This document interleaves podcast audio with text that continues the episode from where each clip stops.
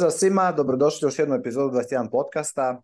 Danas je 12.5.2023. Sa mnom je Nikica, evo je nam i Luksa. E, nismo nešto puno se pripremali za ovaj podcast, ali je bilo e, jako zanimljivo e, ovaj tjedan s obzirom na ove zagušenost Mempula i puno je bilo ovaj, transakcija i ja sam isto platio svoju prvu 15 eura transakciju e, za 200 i 300 po bajtu. Izmajnala se u roku jedno pola sata, tako i to je bilo još kad je pala. Pa, e, pao je malo pritisak tih, e, tih transakcija, tako da e, to ćemo danas malo prokomentirat E, sad je situacija koliko vidim se malo smirila, jel? da, znači evo, već za 30 satošija po bajtu, e, to je onako oko dolari nešto, dolari 20 se može e, brzo nešto izmajnat. Ali evo, šta kažete vi dečki na, na ovo tu? Kako se, šta, šta, biste, šta biste rekli? Dosta je kratko trajalo. kratko trajalo, da.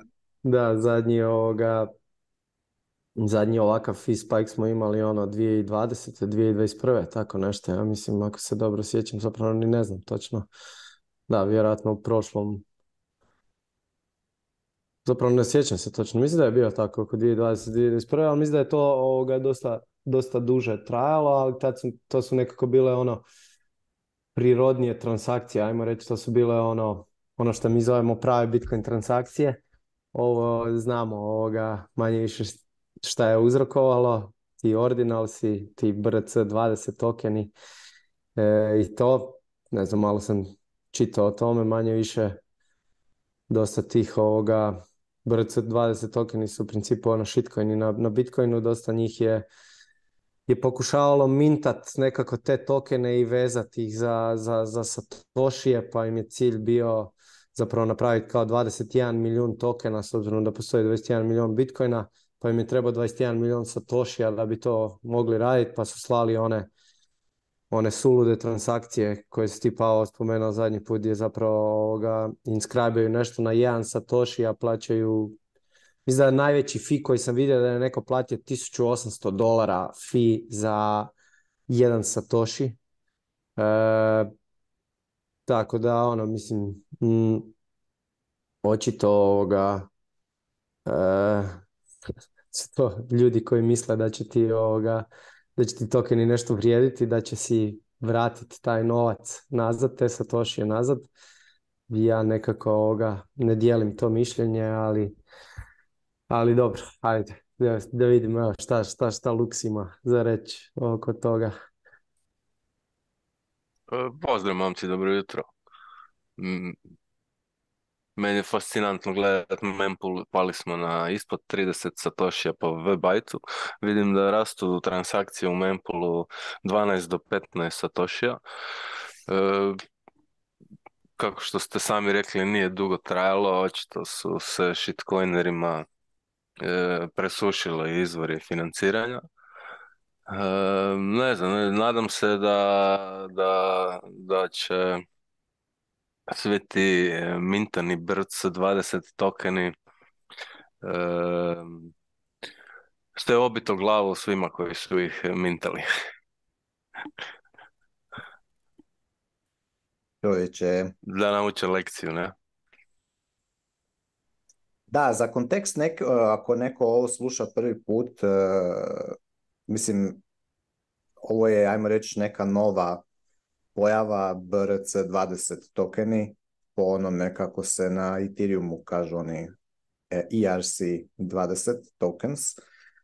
Samo što su ovi tokeni u principu, to su zapravo inskripcije, inskripšeni na Satoshima, to pod jednim velikim navodnikom, zato što postoji nešto što se zove ordinals, odnosno ordinals theory, koji funkcionira na način da, da, numerira satošije u Bitcoinovom blockchainu. Ajmo to tako reći. E, naravno, u normalnom, odnosno u, istinitosti Bitcoinovog blockchaina, e, svaki satoši je fungible jedan s drugim, odnosno nemaju, ti ne, ja ne mogu reći daj mi taj Satoši, e, a ne ovaj tu. Svi su oni jedan E, jedna ono cijelina, jedan blob. E, I naravno mi kad e, gledamo bilo kakav ovaj, bilo koji blok na, na Bitcoinovom blockchainu i bilo koju transakciju, mi ćemo vidjeti da se ona sastoji od inputa i outputa, evo recimo ovaj tu, sa ove adrese je netko spendao 181.96344194 BTC i poslao je 176 na ovu adresu i change na ovu adresu. I ovaj i platio je ovaj konkretno 756 je po webajtu. Še overpayao prilično, ali 28,5 dolara Ali taj, iznos, e, iznos, e, obično su te transakcije između 520-700 satošija, to nije slučajno, to je iznad dust limita, tako da, im, mhm. da, da mogu ponovno iskoristiti ta sredstva. Njima je bitno napraviti transakciju. Da, u svakom slučaju je, je, je poanta da, da kada, gledamo, kada gledamo u Bitcoin uh, blockchain, odnosno u, njegove, u njegovu povijest transakcije, znači ovo više govorim sad edukativno za neke koji su ono, uh, koji gledaju ovo prvi put i koji još ono uče o tome svemu, mi ne možemo zapravo izdvojiti individualni, individualni satoshi iz recimo ovoga iznosa i onda ga uh, slat. Ali ako se igramo svi skupa i zamislimo da možemo da brojimo Satošije, da im dajemo redoslijed recimo Satošiji koji su se izmajnali u prvom bloku 3.1.2009. 2009. U tom bloku je kreirano 50 novih bitcoina, 50 puta 100 milijuna Satošija i onda kažemo prvi, prva Prvi Satoshi u tom bloku su ono broj 1, i onda, a zadnji su zadnji broj, 50 puta 100 milijuna. I onda u sljedećem bloku oni, ona transakcija koja je, kako, kako to oni su rekli, ona transakcija koja je e, prva ušla u taj blok, to je ona koja je sa zadnja ili first in, first last out uglavnom nije, nije toliko bitno, to sad bi trebalo se vratiti nazad, prije par mjeseci sam to išao čitati actually kako je ovaj Casey Rodarmore napravio taj Ordinals Theory. Poanta je da kad se mi igramo svi zajedno pod navodnicima da brojimo satošije kroz taj Ordinals uh, protokol, odnosno Ordinals Theory, onda možemo, a ajmo reći, a tečat nekakav e, dodatni data, neku, neke dodatne podatke na transakciju koja je u principu samo transakcija sa na, na, na Bitcoinovom blockchainu, ali mi se ovdje sa strane igramo da je to nešto što, je, što ima neko dodatno značenje osim iznosa koji se miče sa jedne e, adrese na drugu. I onda su se počele prvo inscription, inskripcije koje su zapravo bile ono, JPEGs, znači bilo kakve, uglavnom sličice, ne znam, čak se neki nekakav audio stavljali i tako dalje. I to je podiglo prije par mjeseci e, ovaj, onaj nekakav minimum fee, to je bilo jel tu, drugi mjesec. Međutim, e, nije puno afektirao, afektiran, e, ono, zapravo transakcije su i dalje bile ok, nije bilo jedan satoshi po bajtu floor, nego je bilo možda 3-4 e, eh, satoshi po bajtu, ali to je opet vrlo, vrlo mala razlika. Onda se to malo, onda se to malo ovaj, zatvorilo, onda je tu bio jedan veći spike u Mempulu. Međutim, opet, ovaj spike koji smo imali tu, on je bio, kao što vidite, ovaj zadnji je bio vrlo eh, jak, ovaj je bio izgledom veći, ali je njegov, njegov average a, ovih e, transaction fijeva je zapravo bio niži, jer recimo ove crvene tu, to su sve e, transakcije od 1 satoshi, 1 do 2 satoshi po bajtu. I njih je bilo puno, oni su radili veliki flor, ali opet ovdje su ovaj već drugi visoki isto flor, to je bilo 2 do 3 satoshi po bajtu. Tako da i dalje smo mi mogli zapravo jako jeftino uh, poslat, e, Bitcoin on-chain a ti ljudi koji su majnali, koji su majnali ovaj, eh, svoje inscriptione su morali plaćati puno više za svaku sličicu. Zapravo je svaka, svaki taj eh, data koji bi stavili onaj Segwit eh, dio, dio transakcije je bio, je bio veći, mislim veći nego obična transakcija sa jedne adrese na, na, na drugu s, i change adresom. tako da je ovaj, da, da, da, je tu u ovom periodu bilo još uvijek jednostavno radi transakcije, u ove financijske transakcije i dalje je to bilo zanemariv, zanemarivi porast e, samih base transakcija.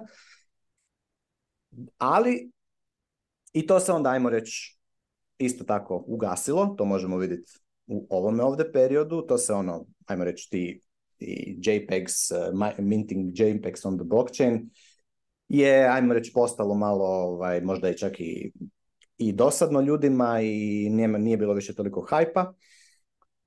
NFT-evi, jel, nije bilo više toliko hajpa. I onda je vrlo nedavno, možda šta to, par, par dana, možda dva tjedna uvr glave, ali počelo je e, inskrajbanje e, tih, oni to zovu BRC20 tokeni, a to su i dalje isto inscriptioni koji su, koji su u principu ono, dio tog ordinals teorija, ali inscriptioni koji, kao što vidite ove zadnje inscription, oni to nisu više sličice, nego su to komadi koda.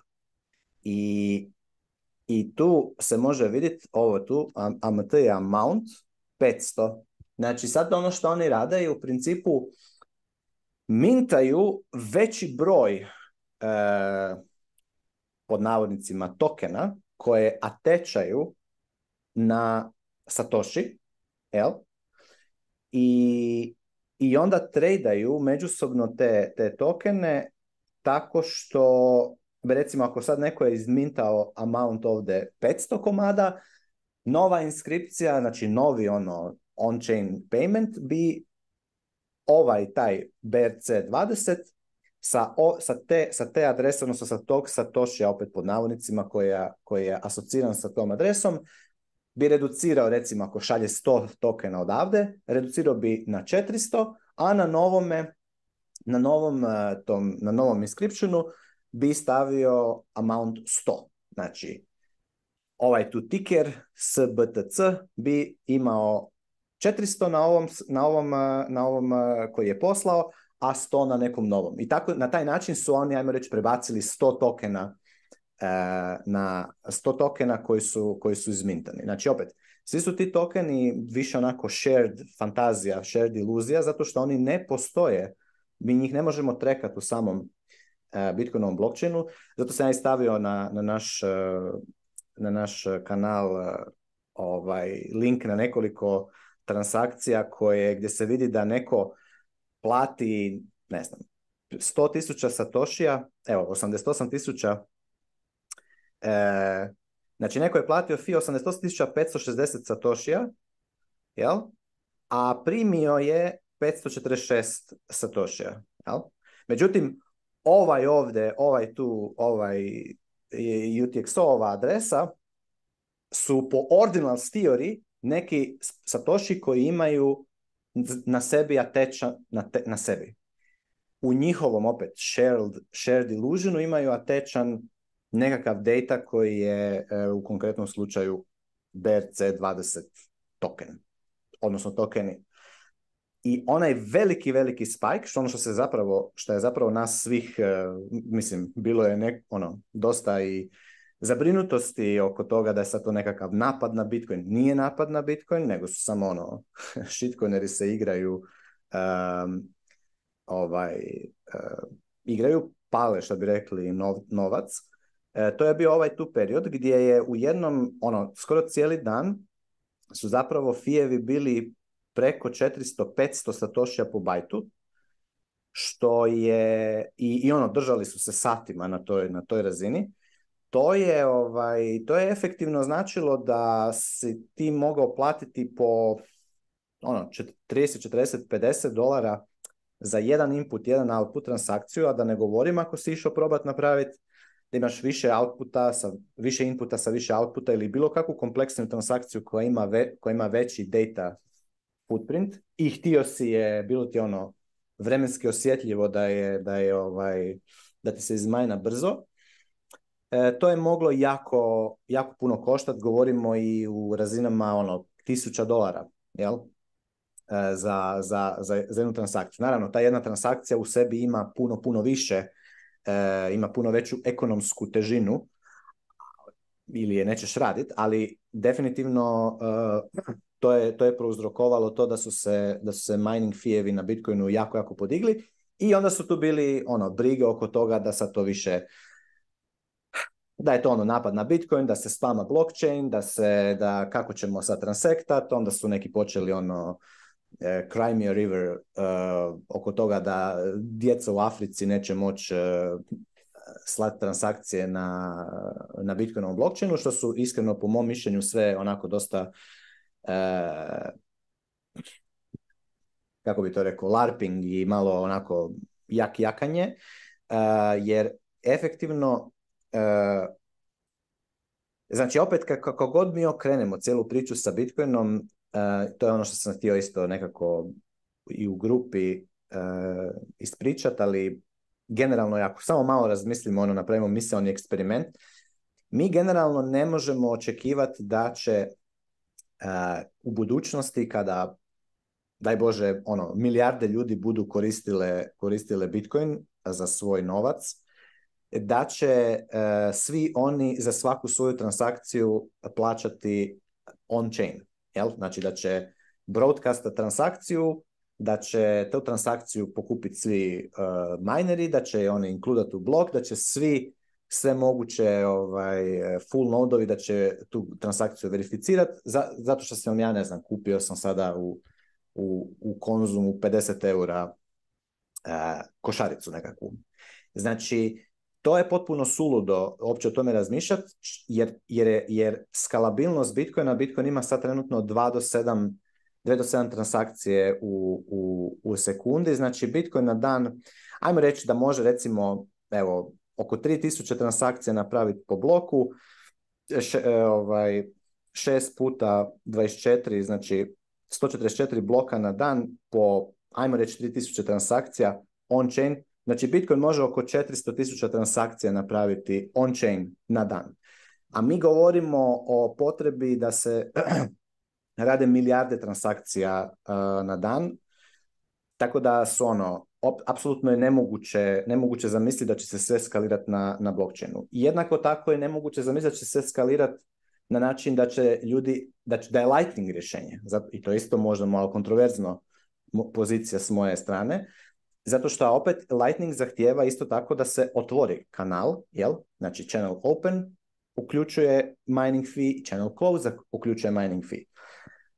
Tako da ehm, jedini način da se dugoročno svi ljudi na planeti Zemlji stave na Bitcoin je da se e, Bitcoin skalira, u lerima, odnosno da ehm, se introduza nešto što se možda ljudima neće sviđat zato što su opečeni i zato što gledaju na to kroz fiat standard lens, a to, je, to su custodial rješenja, a custodial rješenja, odnosno e, collaborative custody, community banking, lightning banking ili banking čisti na, na, na, na Bitcoinu su modeli kojima će se Bitcoin skalirati, a onda će te banke, odnosno ti kastodijani među sobom E, setlat, e, setlat transakcije koristeći Lightning, koristeći on-chain, koristeći sidechainove, koristeći generalno infrastrukturu e, s obzirom na to kako, kako im je, ono, koja im je potreba. Lightningom će, će raditi settlement kada im je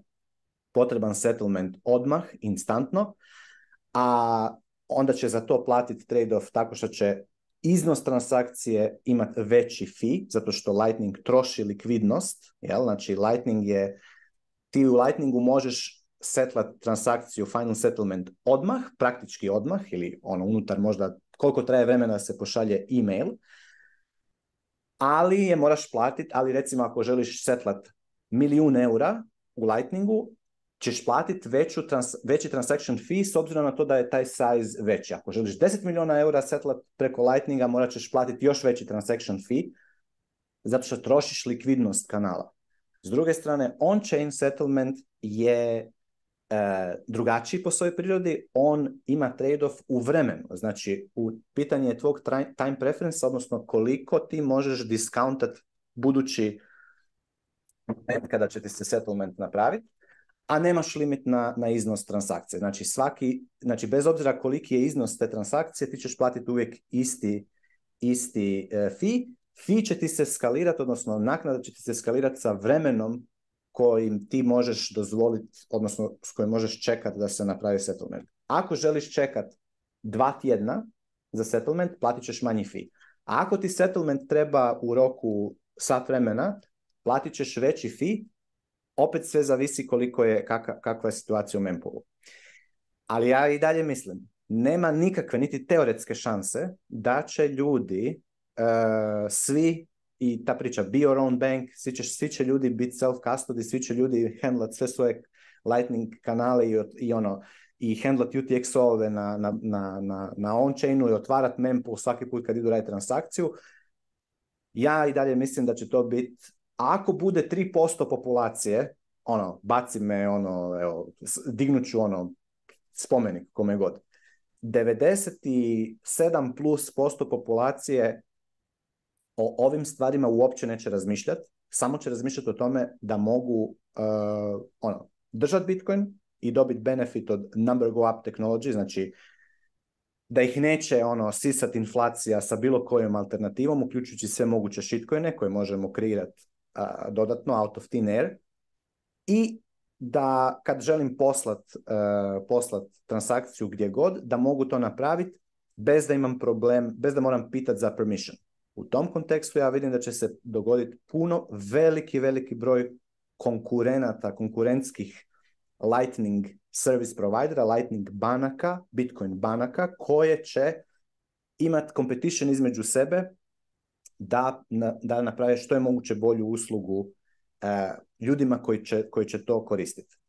I jučer sam baš instalirao da probam konačno taj Bitcoin Beach Wallet koji je, sad se renema u Blink. I ovaj, strašno jednostavno e, izgleda, jako dobro funkcionira. Potreban je samo broj telefona ljudima da, da, ono, da dobiju broj telefona ili, ili mail da dobiju ovaj connection. Naravno, to je custodial, opet Lightning, e, opet, kažem, custodial bank koji su napravili ono, ovi u Bitcoin Beach, u El Zonte, u El Salvadoru, ali radi odlično. E, vrlo jednostavan i ovo ovdje može onboardat stotine ono normalnih ljudi u jako brzo, jako e, ono kratkom vremenu i onda naravno mi bitcoineri koji smo ono duboko u tome trebaju hendlati ovu backend infrastrukturu da se, da se da je taj uh, wallet ono e, da on radi, da ima uptime, da ima da je konektan sa van, sa izvanskim e, ovaj, hubovima koji će, recimo ako ja želim nekome platiti iz, ne znam, a, Blixt walleta ili iz Phoenix Walleta da, ili ZUS Walleta sa, sa Lightningom nekome u ovaj Bitcoin Beach, moram imati route kako ću doći do njega, znači ja moram se brinuti za to da mi je likvidnost e, tu, ali hoću reći, ovo su modeli, ovo plus Fedimint, Fedimint ima još jedan benefit toga što su, što, što je sve, što je sve, što je ovaj, e, privatan potpuno, ovdje se recimo administratori ovog voleta mogu vidjeti koliko ko ima balance, jel? Što nije dobro, mislim, opet je trade-off koji, koji ljudi danas generalno svi rade, koji imaju kogod ima bankovni račun, baš banka zna koliko imate novaca na računu, ali generalno ono, e, bolje je da imamo i opciju da, da, da ti menadžeri tog voleta e, da, ne, da nemaju e, uvid u to koliko ko ima sredstava na, na svom računu. Ali opet, to ću reći, generalno, jako me, ona, mislim, neću reći da me živciralo, ali me malo i onako prži, malo mi prži ono po živcima kad vidim e, te neke ono fantaziozne ono ideje da će, da ono, da je ko prvo ovo loše za Bitcoin, a nije mhm. loše, jer svaki put kada se neko, svaki put kada se, kada, kada novci idu u pokete minera, opet, se, opet trebamo i to shvatiti da mineri su odlična stvar generalno za M digital security samog Bitcoin networka, M razvijaju ono, mi svaki put kad platimo mining, mining fee, mining transakciju, mi potičemo, mi alociramo kapital u industriju koja traži stalno sve jeftinije i efikasnije izvore energije, odnosno izvore struje. I mi s time direktno se borimo protiv ovog fiat državnog sustava koji na, energetskom, na, energetskom, na energetskoj razini koja je baza ove nove moderne civilizacije zapravo radi suprotno. Znači, država sa svojim reguliranjima energetskog sektora smanjuje kapacitet ono civilizacijskog razvoja zato što čini struju skupljom, i energiju teže, teže dostupnom ljudima. Bitcoin mining radi obrnuto. Tako da ovi likovi koji su mintali shitcoine na, na, na Bitcoinu i plaćali ono stotine e, BTC-a minerima, ja stvarno iskreno mislim da njima treba skinut kapu i zahvaliti im se za to. Znači, neko ko je, spreman platiti 88.560 satošija mineru da bi dobio natrag 546 satošija koje su imaju na sebi nekakav glupi imidž. To će u budućnosti biti ono pionir eh, energetske transformacije, taj neko. Oni nije ni svjestan eh, toga. Znači, znači ono, pogledajmo samo i tu drugu perspektivu i sljedeći put kad se opet bude dogodilo da se mempool ono zaguši i napuni kad se ljudi budu ono kvečali oko toga da im da su im transakcije skupe i tako dalje, samo razmislite o tome koje to efekte ima sve skupa dugoročno. I opet još jedan efekt kojega sam htio spomenuti i onda ću stati jer sam se tu sad malo zapričao pa ćete vi nastaviti a još jedan efekt koji je, koji je osim benefita za, za mining industriju, koji je benefit za generalno čovječanstvo i podizanje ono kvalitete civilizacijsk, ono, civilizacijskog dosega i kvalitete života kroz incentiviziranje mining industrije da podigne, ovaj, da ulaže u energetski sektor. Osim toga, ovaj fee pressure koji je bio sada ovaj tjedan, apsolutno je doveo do toga da se masa ljudi uh, onboardala na Lightning, znači da je velik broj Lightning operator, operatora, mada im je bilo ono nekakvi ono, vidio sam da je puno ljudi imalo forced closed kanala, ono, channels, da, pa, pa, da, su morali plaćati velike fijeve, pa kveć, kveć, kveć, e, ali opet mislim da im je to ono, akceleriralo način kako će, kako će, ovaj, kako će handlat transakcije u budućnosti. Definitivno će se ekonomičnije otvarati i zatvarati lightning channeli u budućnosti zbog ovoga, sad kad smo to doživjeli i vidjeli, e, šta, ono, kako se mempool može ovaj, napuniti i kako, kako visoki mogu biti fijevi, to će utjecati na se, da se radi bolji, ovaj, bolji praktis sa, sa otvaranjem i zatvaranjem lightning channela vidjeli smo da su exchangeri kao što je Binance, kojega smo godinama, uh, ono, Pierre Rochard, ja mislim, je jedno 50 puta tegao cz i Binance da, ono, kad će, staviti Lightning uh, withdrawals, Binance je počeo raditi da će stavljati ono, da će staviti Lightning withdrawals, to će se na kraju svi exchangeri morati imati kao standard, jel? I ovaj i i općenito ono e, ljudi su jednostavno sad, ajmo reći, možda malo natjerani na neki način da se, da se, ono, da se probude i da se, da, se, da, da malo više e, pogledaju šta se, šta se može dogoditi. Na kraju krajeva da počnemo koristiti e, taj taprut e, neko je aktiviran. Jer bez obzira, mislim, meni, ja, meni isto idu na, na jetra ovi ti e, Wizards i ti jazavci ala ovaj, Eric Wall i Udi Wertheimer i svi ti e, likovi iz bajke ali oni imaju point, u, mislim, bez obzira, ono, strip downamo sav njihov hubris i, i, bahačenje koje će njih na kraju koštat, ali kad to strip downamo i samo gist uh, poruke izvučemo vanja, mislim da je to točno što oni govore, da konkretno recimo uh, Taproot usage je ono, skyrocketao od kad su oni počeli inscribat uh, gluposti na, na, na taj, kroz taj ordinal theory taj efekt da, je, da, da se toliko koristi uh, taprut, do, dolazi do toga da se sada razvijaju i potencijalno novi, nove aplikacije, novi, novi, novi sistemi, novi, nova, kako bi to rekao, novi use case-ovi koji će, koji će se moć ovaj, koji će se moć ono, koji će postati više broadly used i ovaj i na kraju krajeva to drive adoption na sam, na sam Bitcoin.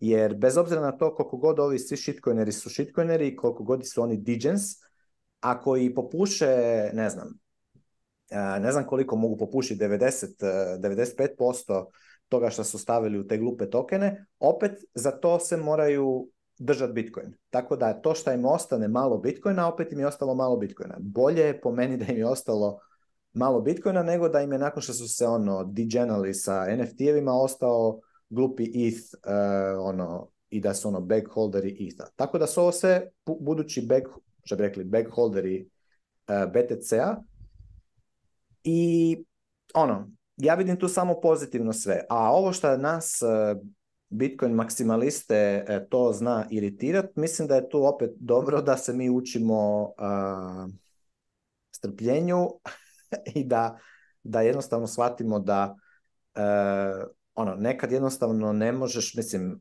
će bi rekao ovaj no mud, no lotus. Nema, nekad moraš malo pognojit e, stvar, moraš malo imat stinki, shitcoine i tako dalje, e, manjur, da bi dobio, da bi dobio plodove u budućnosti. I to je, to je po meni ono što se, što se sad tu dešavalo da, saks, to što sam ja prvi put platio 15 eura ono, transakciju, doduše, za transakcije opet, opet kad gledaš 15 eura, ja sam prebacio 3000 eura vrijednosti Bitcoina sa, sa jedne adrese na drugu, to je opet ono, 0,5% transaction fee. Znači, a opet permissionless, nikoga nije mogu zaustaviti, settled finally i da ne govorim da sam išao raditi veću, 10 puta ili 100 puta veću transakciju, opet bi platio istih 15 eura. Tako da opet, znači ono, ako neko šiba 10 milijuna eura, eh, ono, setla, 10 milijuna eura kupovne moći u Bitcoinu setla uh, kroz Space i plati 20, 20 eura uh, transaction fee ili da plati 100 eura transaction fee, je opet apsolutno ono, ne da je bargain, nego je to ne, neusporedivo sa onim šta je mu alternativa. Jer šta je mu alternativa? To je ono što se stalno moramo pitati. Alternativa ti je da ideš raditi wire transfer uh, preko ovoga uh, preko Fedwire ili preko, ako radiš international payment ili preko SEPA, SEPA plaćanje unutar, unutar eurozone, koje ako imaš veli, veći iznos koji oni smatraju da je prevelik, možda ti ga ni neće niti da da ga napraviš. Možda će ti to ono, možda će trebati puno više vremena da se napravi, a možda će ti jednostavno ako ga i napraviš, u nekom trenutku u budućnosti reversat. Znači, dajte se ljudi ono malo probudimo oko toga svega i shvatimo s čime Bitcoin konkurira. Bitcoin konkurira sa fiat monsterom koji je cenzurabilan, znači koji je skup, koji zapravo efektivno nema nikad final settlement, jer u svakom trenutku je Rusija imala final settlement sa svojim deviznim rezervama američkog dolara? Nije. Jer sve to što je Rusija imala je Amerika samo odlučila uh, e, konfiscirati. Prema tome, uh, ono, get real uh, i, i, i ja bi ono blesao situaciju da se jednostavno što prije Bitcoin mining fijevi na base chainu dignu ono da lijepo imaš u za sljedeći blok 1000 eura ono, transakcija. Hoćeš čekat uh, tjedan dana, dva tjedna, 100 eura transakcija. Pa, će, pa da onda vidiš kako se, kako se, cijela, kako se cijeli, ajmo reći, game theory i market incentives totalno drugačije poslože e, i odmah svima postane jasno zašto, zašto ono, te, taj, te, te ideja, ono, not your keys, not your bitcoin, mi isto počelo strašno iritirati kad, kad, kad ljudi govore not your keys, not your bitcoin. Znači, ne, e, ti ne, ti, opet morate, mislim, baš sam se uvatio u rent, ali moram samo evo da još ovo dovršim, pa ću pustiti dečki. Znači, e, nije točno not your keys, not your bitcoin. Jednako kao što nije točno da ako si ti, na primjer, vlasnik stana kojega si iznajmio najmoprimcu i dao si mu ključeve u ruke, da tebi taj najmoprimac kada je primio te ključeve u ruke i počeo koristiti stan, da ti kažeš, aha, not my keys, not my apartment. Ne, nisu moji sada nemam više ključeve, i nemam više, e, to više nije moj stan. Ne. Znači, postoji razlika i uvijek je postojala i ljudi su tisućama godina znali razliku između vlasništva i posjeda. Znači, ja mogu imati, ja mogu biti vlasnik nečega, ali ne moram biti to, tomu u posjedu. To je slučaj u, u svakoj situaciji gdje se dvije stranke dogovore oko najma, ugovora o najmu. Znači ja ću koristiti nešto što nisam, čega nisam vlasnik, vlasnik će to meni iznajmiti, tu postoje, postoji cijeli ugovorni odnos. Problem nije danas, znači problem nije to, u tome da ljudi ne znaju kako napraviti ugovorni odnos jedan među drugima. Problem je država koja se petlja u taj ugovorni odnos i nameće sa svojim monopolom sile i radi distorziju unutar ugovornih odnosa slobodnih stranaka. To je problem. Tako da u budućnosti i čak i u sadašnjosti nije, neće biti problem to not your keys, not your coins. Ne, ti ćeš imat uh, niz opcija koje će za naknadu čuvat tvoje kijeve, tvoje kijeve, to su i dalje tvoji kijevi, jel? tvoj novac, a ovaj, ali, ali oni ga čuvaju, oni, ga, oni, oni, oni osiguravaju to da ti, se, da ti se ne dogodi da ti ga izgubiš. Jer opet nemojte zaboraviti jednu stvar mi tu na ovome, na ovome kanalu, 21, na ovom podcastu, su, pogotovo mi koji snimamo ove, ove, ove epizode, mi smo u Bitcoinu full, full, full, full deep. Znači ono, e, trošimo užasno veliku količinu vremena glutajući po rabbit hole. Običan čovjek koji se ne, koji je ono možda u životu dva sata proveo razmišljajući i pročitajući nešto o Bitcoinu, a definitivno bi imao benefit u tome da počne koristiti Bitcoin, neće ići tako duboko i neće i potencijalno će mu je veći rizik da sam e, pokušava hold his own Bitcoin, ok ako, ako stavlja nekakav mali iznos kojega si može dozvoliti da izgubi. Ali ako mora cijeli life saving staviti, a ne zna kako da to napravi i nije siguran i može pogriješiti i može krivo, može ono, krivo sevati seed, može krivi, krivu ono, mistake napraviti na self, ono, u self custodyu, taj mu je rizik veći. Njemu je rizik veći da ide sam raditi self custody nego da, nego da uzme profesionalnu, kvalitetnog, dobrog, ono, sa high reputationom kastodijana koji će mu pomoći da, da, da, da čuva Bitcoin. Znači opet, svaka, svaki use case ima svoju, ima svoju drugačiju dinamiku.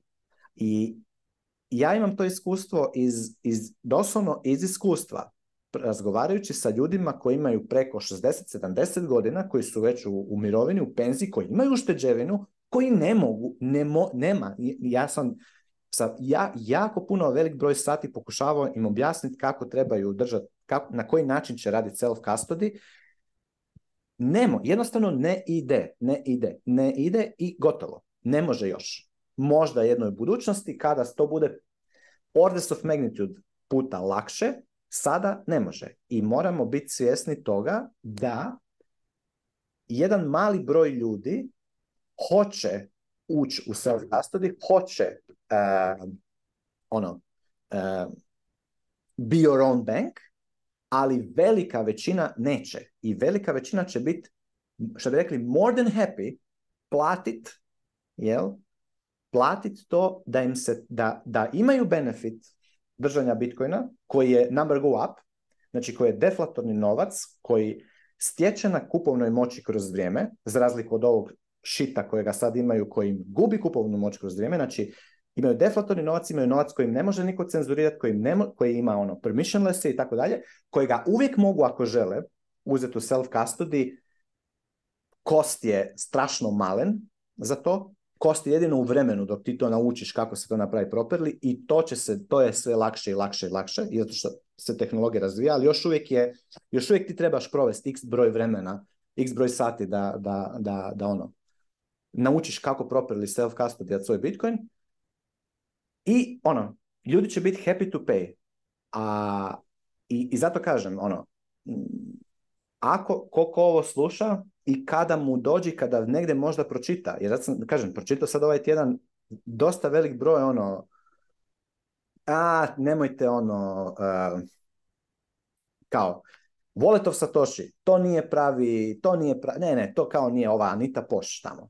Anita Poš išla on bordat tamo u u Afriku, mislim kao u Africi, a, ljude i sad kaže e, da, e, Volatov Satoshi neću, iako to ono, svi dolje, mislim svi, to svako može instalirati i odmah početi koristiti i e ne, e to je, jer to je kastodija, ne, ne, ona ne želi da je to kastodija, ma ne, ne znam, živcira me to full, ali, ali dobro, neću se sad ono pretjerano e, E, hoću samo reći, alternativa ne napraviti custodial uh, wallet, kao što je wallet of Satoshi, je da neko niti se niti ne onboarda na Bitcoin i jednostavno se ono, ili se onboarda na nešto što potencijalno izgubi e, ono, key, ili se, ili jednostavno ga onboarda neki shitcoiner koji ga makne čao od, od, od, od, Bitcoina jer mu isto proda nekakav glupi ono custodial solution samo šta je to, na tom custodial solution ima, ima ono, ima shitcoin, a nema bitcoin. Tako da,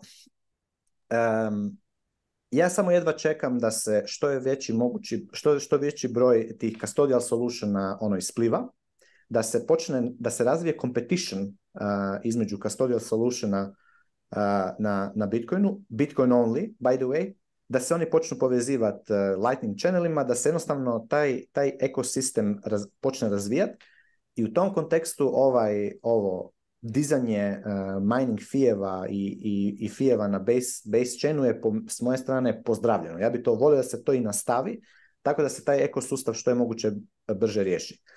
Jer kažem, pogledajte Bitcoin Beach Wallet kako izgleda, pogledajte kako izgleda Wallet of Satoshi, to su vrlo jednostavne, jednostavne stvari koje, koje svako može ono u svojoj familiji, roditeljima, bakama, e, ne znam, prijateljima koji nisu u tome, možete ih ono onboardat, makar da krenu i da počnu gledati, da počnu razmišljati, da krenu taj, napraviti taj get off zero moment i da počnu ono, figure out šta se događa u, u, u fiat svijetu i kako im je Bitcoin rješenje. A lako onda kasnije kad se čovjek već duže vremena je u tome svemu, kad je već akumulirao nekakvu veću veći savings uh, u, u, Bitcoinu, da onda opet properly sa guidanceom nauči kako se, kako ono, e, kako, kako ići na tom putu do, do, do, do self custody i ono, self sovereignty ono, i tako dalje. Ali to je proces, to nije odmah. Nemojte samo ono, odbacivati ljude, beginere koji to nisu spremni odmah raditi, jer ono, po meni je puno bolje da se onboardaju na custodial, ali da se onboardaju i da krenu nego da, nego da ono, ah, puste to sve na miru jer pre, prekomplicirano. Evo, over s moje strane, slobodno dečki, ono, preuzmite... Da. Ne, ne, mene zanima što ima, ima za reći, ali samo čisto da, samo kratak jedan komentar da dam jer e, ja se generalno ne slažem s tobom s ovo što si sad rekao vezano za custodial opcije. Mm, ja mislim da e, holdanje svojih kijeva nije teško. Ja sam napravio prošli tjedan, pretprošli kad smo bili u Beogradu, prezentaciju o tome kako bi, kako bi to trebalo, e, kako to ljudi mogu napraviti. Mislim da je to vrlo trivialno i da čak nekom starom to ne bi trebalo biti teško ako mu se objasne svi koraci. Svi ovoga ljudi danas su naučili koristiti neke usluge iz tradicionalnog financijskog svijeta gdje trebaš zapisati nekakav token ili neki pin ili tako nešto, pa svejedno uspiju to menadžat bez da to izgube. E, slično bi trebalo biti i sa tih 12 riječi, ali ovoga... Mm, Mogu ti dati samo e, jedan vrlo brzi, kratak. Sad ću ti reći samo jednu stvar. Usporedit uh, net banking token handling i handlanje hardware walleta i, i, i je jedino točno ukoliko Gledaj, znači net banking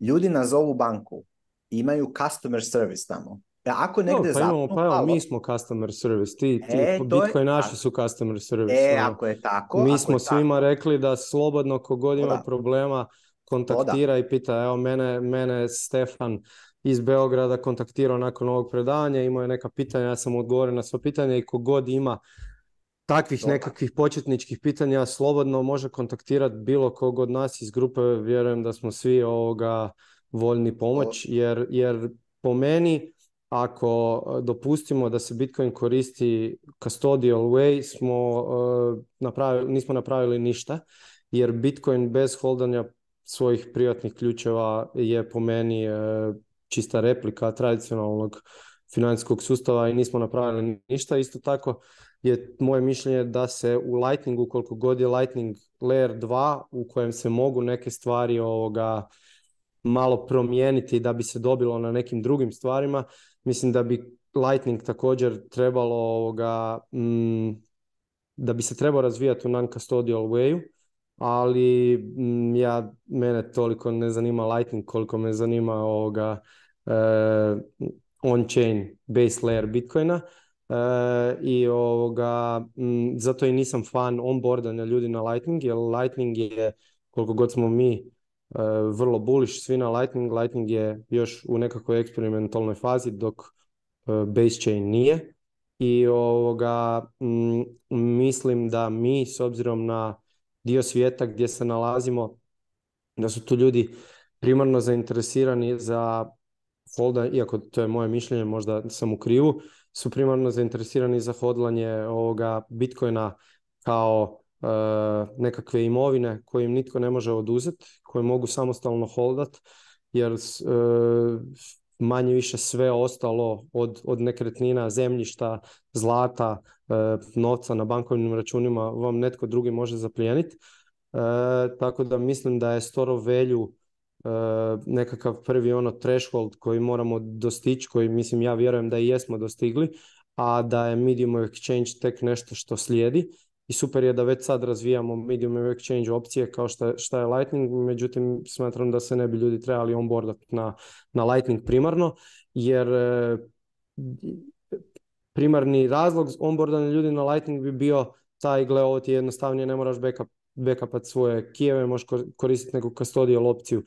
Mm, to po meni nije idealno, e, on-chain custodial opcije su nekakvi exchange ili ono on-chain capital ili tako neke firme koje manje više ne posluju u Europi, koliko sam ja poznat u Europi ne postoji custodial opcija ako pričamo o base layeru eh, osim exchange Vidjeli ste što se dogodilo FTX-u, tako da to definitivno nije nešto ovoga što bi ja preporučio, tako da mm, generalno se ne slažem s, to, u tom pitanju, ali E, nije toliko bitno, možemo, možemo imati različita mišljenja e, i, i, ovoga, razumijem te da si ti puno više tih ovoga sastanaka i zapravo e, ono oči u oči situacija odradio gdje si pokušao onboardati ljude tako da, da, da razumijem da ovoga ti vjerojatno znaš više od toga o meni, od mene, međutim to je čisto moje mišljenje ne znam, još sam nešto htio ga reći za cijelu ovu BRC dramu, ali zanima me manje više što, što Lux hoće reći, pa ću ajde sad njemu prepustiti. Ovaj, ja se generalno i slažem i ne slažem. Mogu postaviti oba dvije teze i sa, sa oba dva. Recimo, Nikica je u pravu kada je kaže da je Bitcoin primarno store of value, ali opet e, što će nam store of value ako ne možemo raditi transakcije s njim, tako da medium of, of exchange potvrđuje taj store of value i jedan ide s drugim, jedan ne može bez drugog. E, činjenica je da se Lightning, e, da je to kao što je Nikica rekao, i dalje eksperiment i da se razvija na sve strane i da ne možemo reći šta će biti za 5-10 godina, kako će to izgledat. I super da je tako. Um, opet, s druge strane, e, Pavao je u pravu kad kaže da ne može svako ne znam, pola moja rodbina ono, koristi stare e, telefone i, ne može e, ni kvalitetan password napraviti na sajtovima, kamoli e, preuzeti odgovornost za neku digitalnu imovinu. I s te strane mislim da je super da postoje jednostavna rješenja, makar ona bila kustodijal. mislim da je super da postoje svakakva rješenja. Incentiv Bitcoina uvijek će biti takav da ljude e, potiče u self-custody, jer e, zbog, zbog svojstva Bitcoina M je sigurnije, M će biti jeftinije i uvijek će biti taj incentive i uvijek će po meni što se ljudi budu više educirali o ovoj tehnologiji, to će biti u stanju jednostavno biti e, odgovorni za svoju digitalnu imovinu. E, digitalni novac je nova stvar za svih i tako da treba će puno vremena da se prilagode ljudi toj ideji i tu smo mi da, da budemo ambasadori te ideje i da pomažemo jedni drugima i, i, ono. htio bi, e, znači, E, postoji ona izreka sve je dobro za Bitcoin, pa tako i ove situacije sad nedavno. E, vidjeli smo rezultate, znači ono, svi postajemo svjesni važnosti off-chain plaćanja, e, Binance i druge mjenačnice najavljuju uvođenje Lightninga i imam jedan prijedlog da počnemo daviti ove, ovu hrvatsku mjenjačicu Electrocoin da uvedu Lightning, ono da napravimo neku akciju prema njima. Na primjer, možda bi sada. Nedavno. sada. Nedavno. 2019. i 2020. pa... To je to, vrijeme da, vrijeme da napravimo novi, novi Možemo probati novi, da. Odlično, da spojimo snage. Može, može, i da pače ima i ovaj Bitcoin Store isto, znači uh, Digital Assets DO i Electrocoin DO. Eh, da, bilo bi super. Eh, Mislim, bilo bi super da se može kupovati preko Lightninga i da yes. uvede u PaySec procesor plaćanja, plaćanja s Lightningom. To bi bilo stvarno svjetska vijest. Ono. Da. Što sam htio još dodat? po meni će biti E, imate inovacije Fedi, banke, by the way, nedavno sam čuo vijest, ima jedna nova spika sa mm, e, i Cash inovacija u smislu, e, inovacija u protokolu na način da neće biti potreban e, third party. Znači, nisam, znači to je tak, sad, jučer prekjučer vidio sam neku vijest, još će se pričati o tome, ne znam detalje, samo sam htio spomenuti. E, Biće jedna, jedna riječ koja se počela koristiti, a to, to se zove trust minimization. Znači, e, bit će sve više rješenja po meni koja će e, opet zahtijevati neku vrstu treće strane, ali ta treća strana će imati jako malo mogućnosti M da vidi, što, M da zna, znači M da zadira u privatnost, M da kontrolira šta user radi na protokolarnoj razini će jednostavno mm, biti sve manje manja potreba vjerovanja tom e, pružatelju usluge i, i bit će ono, sve, lakše i, i, ne znam, i povoljnije i, i s većim povjerenjem moći se koristiti takve usluge. Na primjer, e, jedan primjer, evo e, Lightning Box što radi developer Blixta, koji pružat će svakom korisniku Blixta, to će se moći i za druge volete koristiti, e, da si može sam napraviti svoju Lightning adresu i za koristiti, za primat uplate nećeš moraš biti online sa svojim mobilnim nodom cijelo vrijeme, već će ti server pružat pružatelj tog servera i, i vjerovanje njemu da ti može ukrast novce će biti svedeno na minimum, znači s e, protokolarnim unapređenjima bit će sve sigurnije i sigurnije to koristiti i onda kao što Pavel kaže, Pavel kaže e, tržišni incentivi su jednostavno takvi da da će se to ono, moći bez, ono, s povjerenjem koristiti. Da, mislim, meni je i dalje, ja i dalje mislim da vrijeme će pokazati tu taj, taj argument koji ga pokušavam, teško ga artikuliram jer ga je, jer je toliko još, ajmo reći, to rano i nascent, ali za mene je ova, ova taj, ajmo reći, e, taj hesitation da se ljude e, uputi na Bitcoin only custodial wallet e, koji su apsolutni beginneri koji, ono, je hesitation koji je, koji je meni recimo sličan kao da imaš hesitation, ono, idemo, idemo popit kavu u ovaj kafić, e, šta ako će mi, ono, šta ako će mi staviti e, malo cijanida u kavu i ono, otrovat će me. Ha, šta ako me otruje? Pa neće te otrovat zato što, ono, pa si normalan, zašto bi... Ha, ali ti nije taj ja hesitation. vidim da će on meni staviti kavu. Zato kažem, mislim, recimo, evo konkretno za voletov of Satoshi, to, to, to me ono, kažem ti, ova Anita Poš je rekla, e ne, ne, to je custodial wallet i to će ono rak pulat e, ljude. Znači... nije ti uopće stvar u rak pulanju, nego je stvar u tome da postoji bolja opcija, znači postoji best practice. Mi ko naši, bi trebali po meni pričat best practice. Znači, Ali best practice opcije nisu best practice. Ali to je Uško... best practice za tebe koji si proveo... Ali nije toliko teško nije toliko nije teško. Tebi, nije tebi toliko teško koji si probao par tisuća sati. Opet, probaj on bordat nekoga pa ćeš vidjeti da nije, nećeš moći. Mislim, barem ja noru, možda ja, možda ja nisam bio sposoban. Uh, ono, možda ti ljudi koji, koji, s kojima sam probao, možda oni nisu.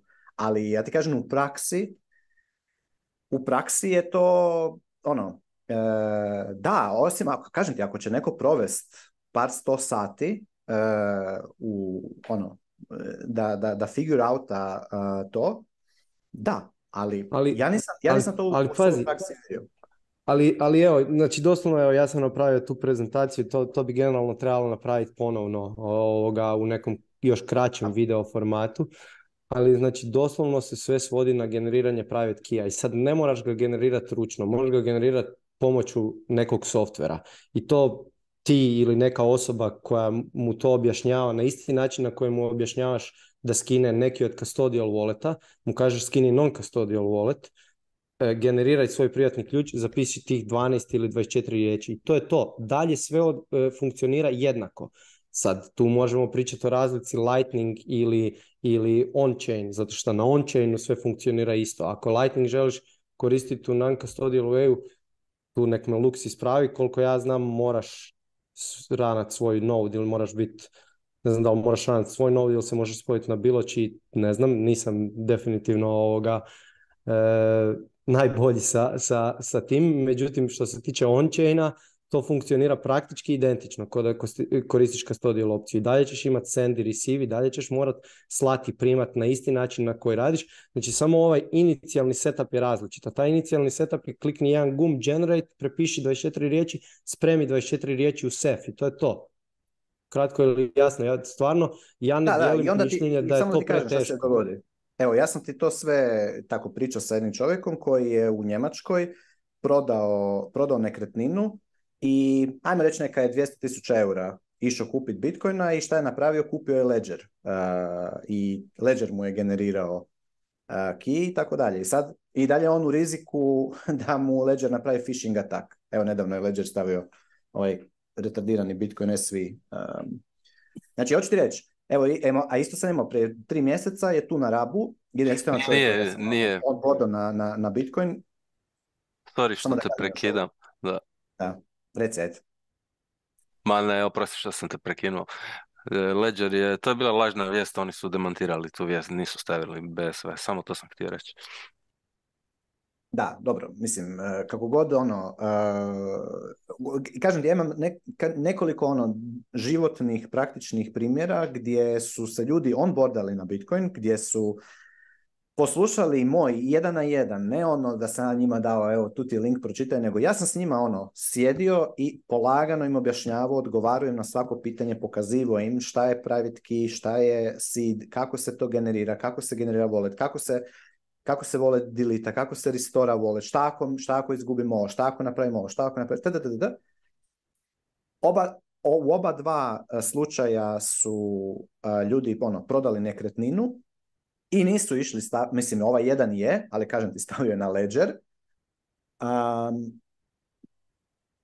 I kut koji milimo, ja sam mu rekao dva puta nakon toga da nisam siguran koliko je to pametno, zato što ono, da li je stop, da li, on zna kako će se sad zaštititi od uh, ovog, taj, tog phishing atak i social engineering ataka, pa nisam siguran da se zna zna, ja, ja bi ga recimo mogao, odnosno neko ko je u tome bi ga mogao izmanipulirati. Neki, jučer je Francis Pulio napisao ka, s kakvim se on sofisticiranim skemovima ovaj, susretao i to konkretno targetirano na ovu populaciju baby boomera i ove starije ljude koji su na Facebooku, na primjer, ja sam imao direktno iskustvo, on govori da je to tamo u Kanadi još deset puta gore. Znači, ljudi su, znači, hoću vam reći ono, sve ok je da nije teško, ne nije teško, ali nije teško nama, ali ja govorim da, o 99% populacije. A Ma, populacije... Ja te razumijem, međutim, kojiš moraš shvatiti sad, sad generalno ovaj sad nije, mislim da je ova diskusija čisto dobra za bilo kog, tako da nije da, da, te sad, da te sad provociram, ali generalno e, da ćeš dobiti phishing attack od ledgera je sličan argument kao da će Wallet of Satoshi rak pulat. Znači nemamo nikakvog razloga, mislim, kak bi rekao, e, da ćeš nasjest na phishing attack od ledgera, ne? je, mm, kako bi rekao, mislim, prvo asumamo da koristiš Ledger, možeš koristiti nekakav drugi, kak se zove, hardware wallet. Ovo je specifičan slučaj, znači nije, kako bi rekao, nije, mm, to nije 100% da će se dogoditi, nije 100% da će generacija privatnog ključa unutar kod Ledgera znamo zašto se uvijek spominje Ledger, zato što je on likao one sve e, podatke. Međutim, nije da će generacija privatnog ključa unutar bilo kakvog wallet softvera, ne mora biti hardware wallet, sa sobom vući nekakav mogućnost phishinga teka i da ćeš se ti morati obraniti od toga. E, pa ta nije, ali mislim govorimo tu, uspoređujemo rizike, je li tako? Znači, recimo rizik je da Wallet of Satoshi rag pula, da sutra dan Wallet of Satoshi se probudi i sve bitcoine koji su deponirani tamo uzme sebi i ono, i run away. To je jedan rizik. Drugi rizik je da ljudi koji su išli self-custodijat Bitcoin na Ledgeru, jer je Ledger najviše user-friendly, ono, imaš, možeš ga unositi oko, oko vrata, napravili su ovu novu, onaj apple kako se zove, onaj dizajner i napravi onaj njihov wallet, svi, svi koriste Ledger, cijeli kripto e, kao I hold my wealth on my ledger, je tako? I sad je pitanje koji je rizik veći? Po mome mišljenju, incentive oko incentive skemera i kradljivaca i thiefova da taj honeypot ljudi koji drže digital assets na ledgeru stilaju, ne moraju stilati sve, neka stilaju samo par posto toga, je puno veći e, i, sofisticiranost tih napada je puno veća i lakše je njih e, e, ovaj, performat nego incentiv i rizik koji dalje postoji da se sutra dan e, Wallet of Satoshi ekipa probudi i kaže e, uzet ćemo vam sad Bitcoin. To je moje mišljenje, ali e, naravno svako će tu odluku napraviti, to je ono što bi rekli entrepreneurial decision, šta, je, šta ti je veći rizik i nema perfektnoga, sve su to trade-offovi.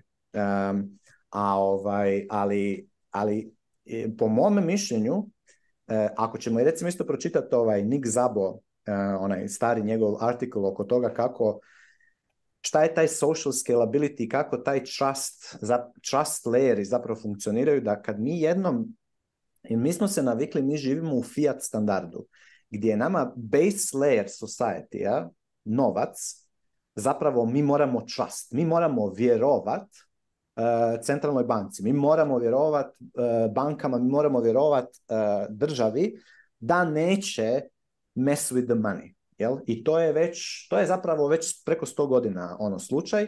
Prije toga u 18. 17. stoljeću ono neko ko bi, ko bi, ko bi printao više, više certifikata nego što je imao zlata u, u, u, u sefu, u rezervi, je bio tretiran ono, katrani perje na njega, kužiš, i, i, to je bilo ono, the worst of the worst je, je bio takav neko. Danas je to normalno, danas su to ljudi koji su ono, obučeni u odjela i kravate i pričaju ono kao neki jako ono priests of uh, ne znam šta.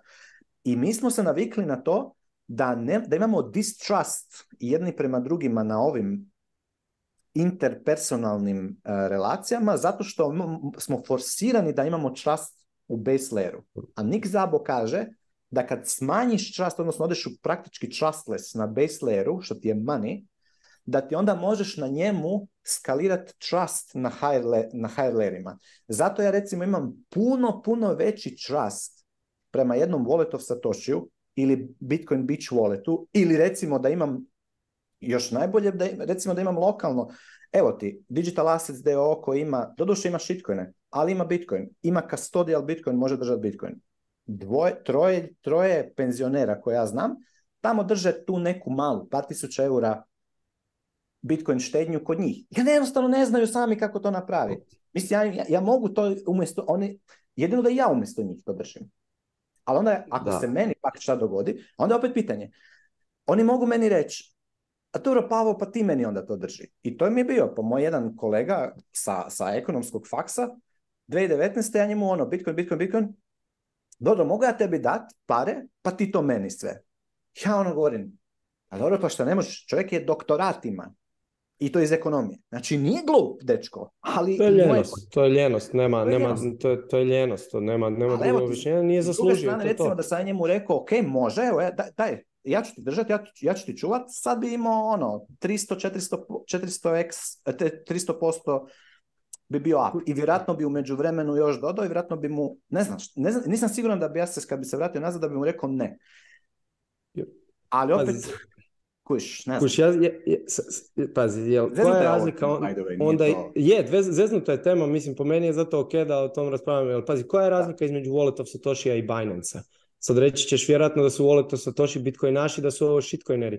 Međutim, taj isti princip zbog kojeg mi tjeramo ljude s exchange vrijedi i za custodial wallete. Da, oni su naši. vjerujemo da nije u njihovom interesu uništiti svoj biznis model. Međutim, nije ni u FTX-ovom e, interesu bio uništiti FTX Sad, ok, to je, znamo sve kako se dogodilo, ali mi općenito pričamo o tom, nemojte držati novce na exchange Znači, ljudi mogu raditi fractional reserve banking, može vlada neke stvari zapljeniti. Znači, custodial opcije nisu loše isključivo zbog toga da će ovi rak pulati i uzeti sve, e, sav novac. Ima raznih drugih elemenata rizika. Tako da ja ću uvijek izabrati ledger prije bilo koje custodial opcije i stojim pri tome. Mislim da je to bolja opcija i da bi trebali sad naravno da postoje bolje opcije od Ledgera, tako da mi se sad tu uvijek za, za te ekstreme hvatamo, postoje bolje custodial opcije, non-custodial opcije od Ledgera, međutim mislim da je bilo koja non-custodial opcija bolja od custodial opcije, pa makar to bila Bitcoin only custodial opcija kakvih postoji, hvala Bogu, sad puno. A to da je netkom naših godina to preteško, to je čisti bullshit. To je čisti bullshit doslovno e, ako, ne, ako sam se ubacuješ u to, da, treba ti puno sati. Međutim, ako imaš nekog kao šta si ti pavao ili koje je bilo kakvog naša, on ti to objasni doslovno 15 minuta. Doslovno 15 minuta. Ne moramo ulaziti u nikakve ono šta je bitcoin, bla, bla, bla. Ja bi stavio Ledger Live u istu kategoriju ko of Satoshi i Binance, zato jer je to closed source software i jednostavno ne znaš šta se dešava u tom softveru i oni imaju tvoj pub i vide sve što se dešava. To znamo. Što još se može, ne znamo. Ako koristiš Ledger sa nekom open source aplikacijom tipa Electrum ili Sparrow, na primjer, to je onda već self custody. Iako je pitanje opet kakav je firmware na, na, na samom hardware walletu. Ali barem znaš da nije da nemaju tvoj ex-pub, da nisu, da ne, on... Da, i onda imaš Andrew Post, Poelstra argument da generalno sve elektronički uređaji nisu baš trusted, jer imaš i dalje, ja mislim, samo je pitanje kad ćeš stati sa, sa ono, assumptionima gdje se može napraviti tak e, ono, vektor, pa bi možda bilo dobro zapravo napraviti taj Volvelos, ono, analog, e, e, ovaj, evo imam ga tu, sprintanog, da napraviš analogni e, sistem za, za derivaciju Kijeva i za, za, za čuvanje Bitcoina, možeš i tam, možeš i otići na tu razinu, evo ga, kodeks 52, evo ga, tu je. Znači, možeš i ovo ići raditi. Znači, nije uopće problem, pitanje je samo gdje ćeš, gdje ćeš stati, gdje ćeš, gdje ćeš... Za mene, za mene, gledaj, znači, ovako, za mene stavlja tu istu košaru Binance, FTX, Wallet of Satoshi i Ledger je onako, što bi rekao, malo ofrlje napravljen argument, zato što su to potpuno različiti e, entiteti, ali e, imaju različite e, profile rizika i možeš sa svakog od njih reći koji su profili, koja vrsta rizika se, tamo dešava. A ovaj, I mislim onda da treba tailorat svaki od tih rizika za individualni slučaj i niti jedan slučaj nije nužno jednak i to ono blanket rješenja za svakoga je isto jako teško dat.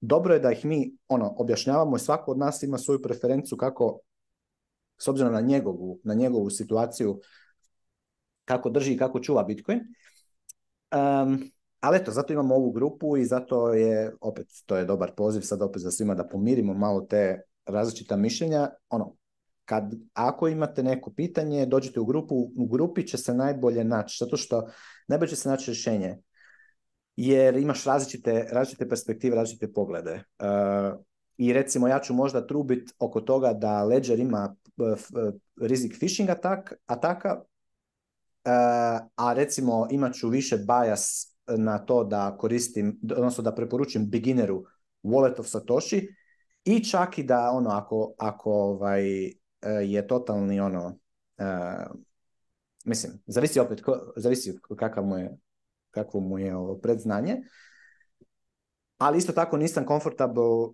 eh, preporučivat nisam, ja nisam komfortabel više, iskreno, ljudima govorit da odu, to jest da puno sam više comfortable ljudima objasniti prvo da bi trebali ono get financial shit in order i da onda se ono uhvate Bitcoin ko, svog life, lifeboata, gdje će onda nužno oni naučiti sve ove stvari o kojima pričam. A opet s treće strane, možda jednostavno ono, svako mora proći nekakav svoj put i, i probat e, opciju, ne znam, koja mu paše. I tako dalje. Ali ne znam, mislim po meni, kažem, nije, nije isto staviti, e, nije svaki custodial exchange FTX, jer nije, jer postoji razlika, recimo Kraken i FTX nisu iste stvari. Jesse Powell je, ima puno, puno, puno dužu reputaciju nego ovaj mali jazavac koji se pojavio od nigde i tamo ono, e, orgijao na, na, na, na, ne znam, nekom otoku jer su ga financirali ovi e, kako se zove ovi, Davos, Schwab i ove, ta ekipa. Znači, to nisu iste stvari, iako jedan i drugi imaju taj custodial risk, ali nisu isti, ne možeš reći da su isti. Coinbase nisu isti, znači neko ko, je kupio na Coinbase-u 2014, 2013 e, Bitcoin um, i da ga nikad nije dignuo oča, ima ga i dan, dan danas i aprecirao mu EX X i može ga biti droat sa, sa, sa Coinbase danas. Da li bi ga isto, da bi ga isto mogao vidrovati da ga je sam išao tada, da ga je sam tamo išao ofrlje nešto ono um, spremit se u self custody pa nije to baš pametno napravio, pa izgubio, koliko je takvih priča, isto imaš, imaš i takvih priča. Znači ono, imaš... Ja, ali imamo i Mount, Mount Gox priču, tako da ne smijemo i to zanemariti. A imamo i Mount I tako dalje. A imamo i BlockFi, ali opet recimo i BlockFi, znači na primjer, ja u nije, od, kad je, mislim ono, ja sam se ono uhvatio u, u, u Bitcoin space od 2018. realno ono, da sam se full zadubio u to. Meni, ni, meni je smrdio i BlockFi i Celsius i FTX, to jest nisam, nisam niti jedan, niti, niti čak niti probao napraviti tamo, tamo account.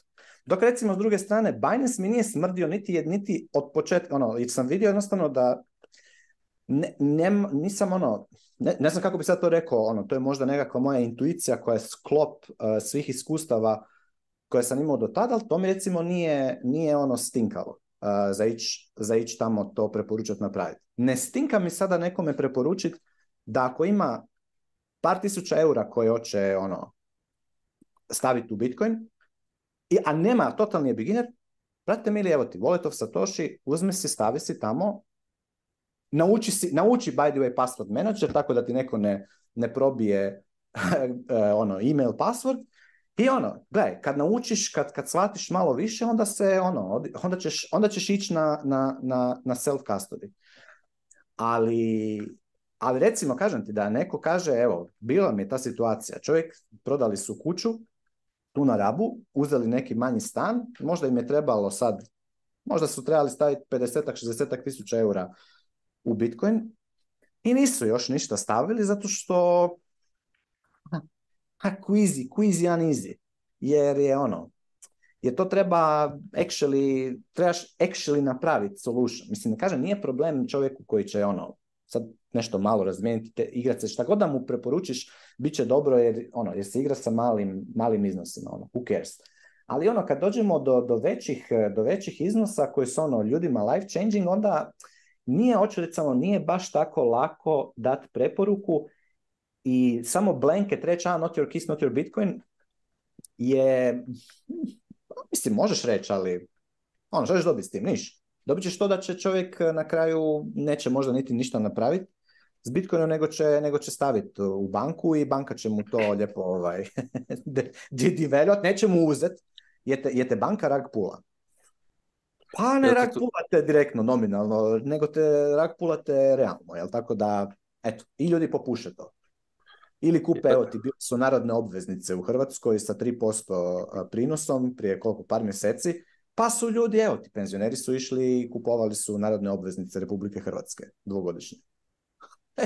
Jete, je, više vjeruješ tome? Da, ljudi više vjeruju tome, zato što ako ništa drugo dođu tamo na šalter i teta im lijepo objasni šta je to i sve super, divno i krasno i, i, i, on. I stave svoju ušteđevinu koju su, za koju su radili 50 godina uh, u, u, state. Eto, imaš fiat state veći. Tako da, šta da kažem.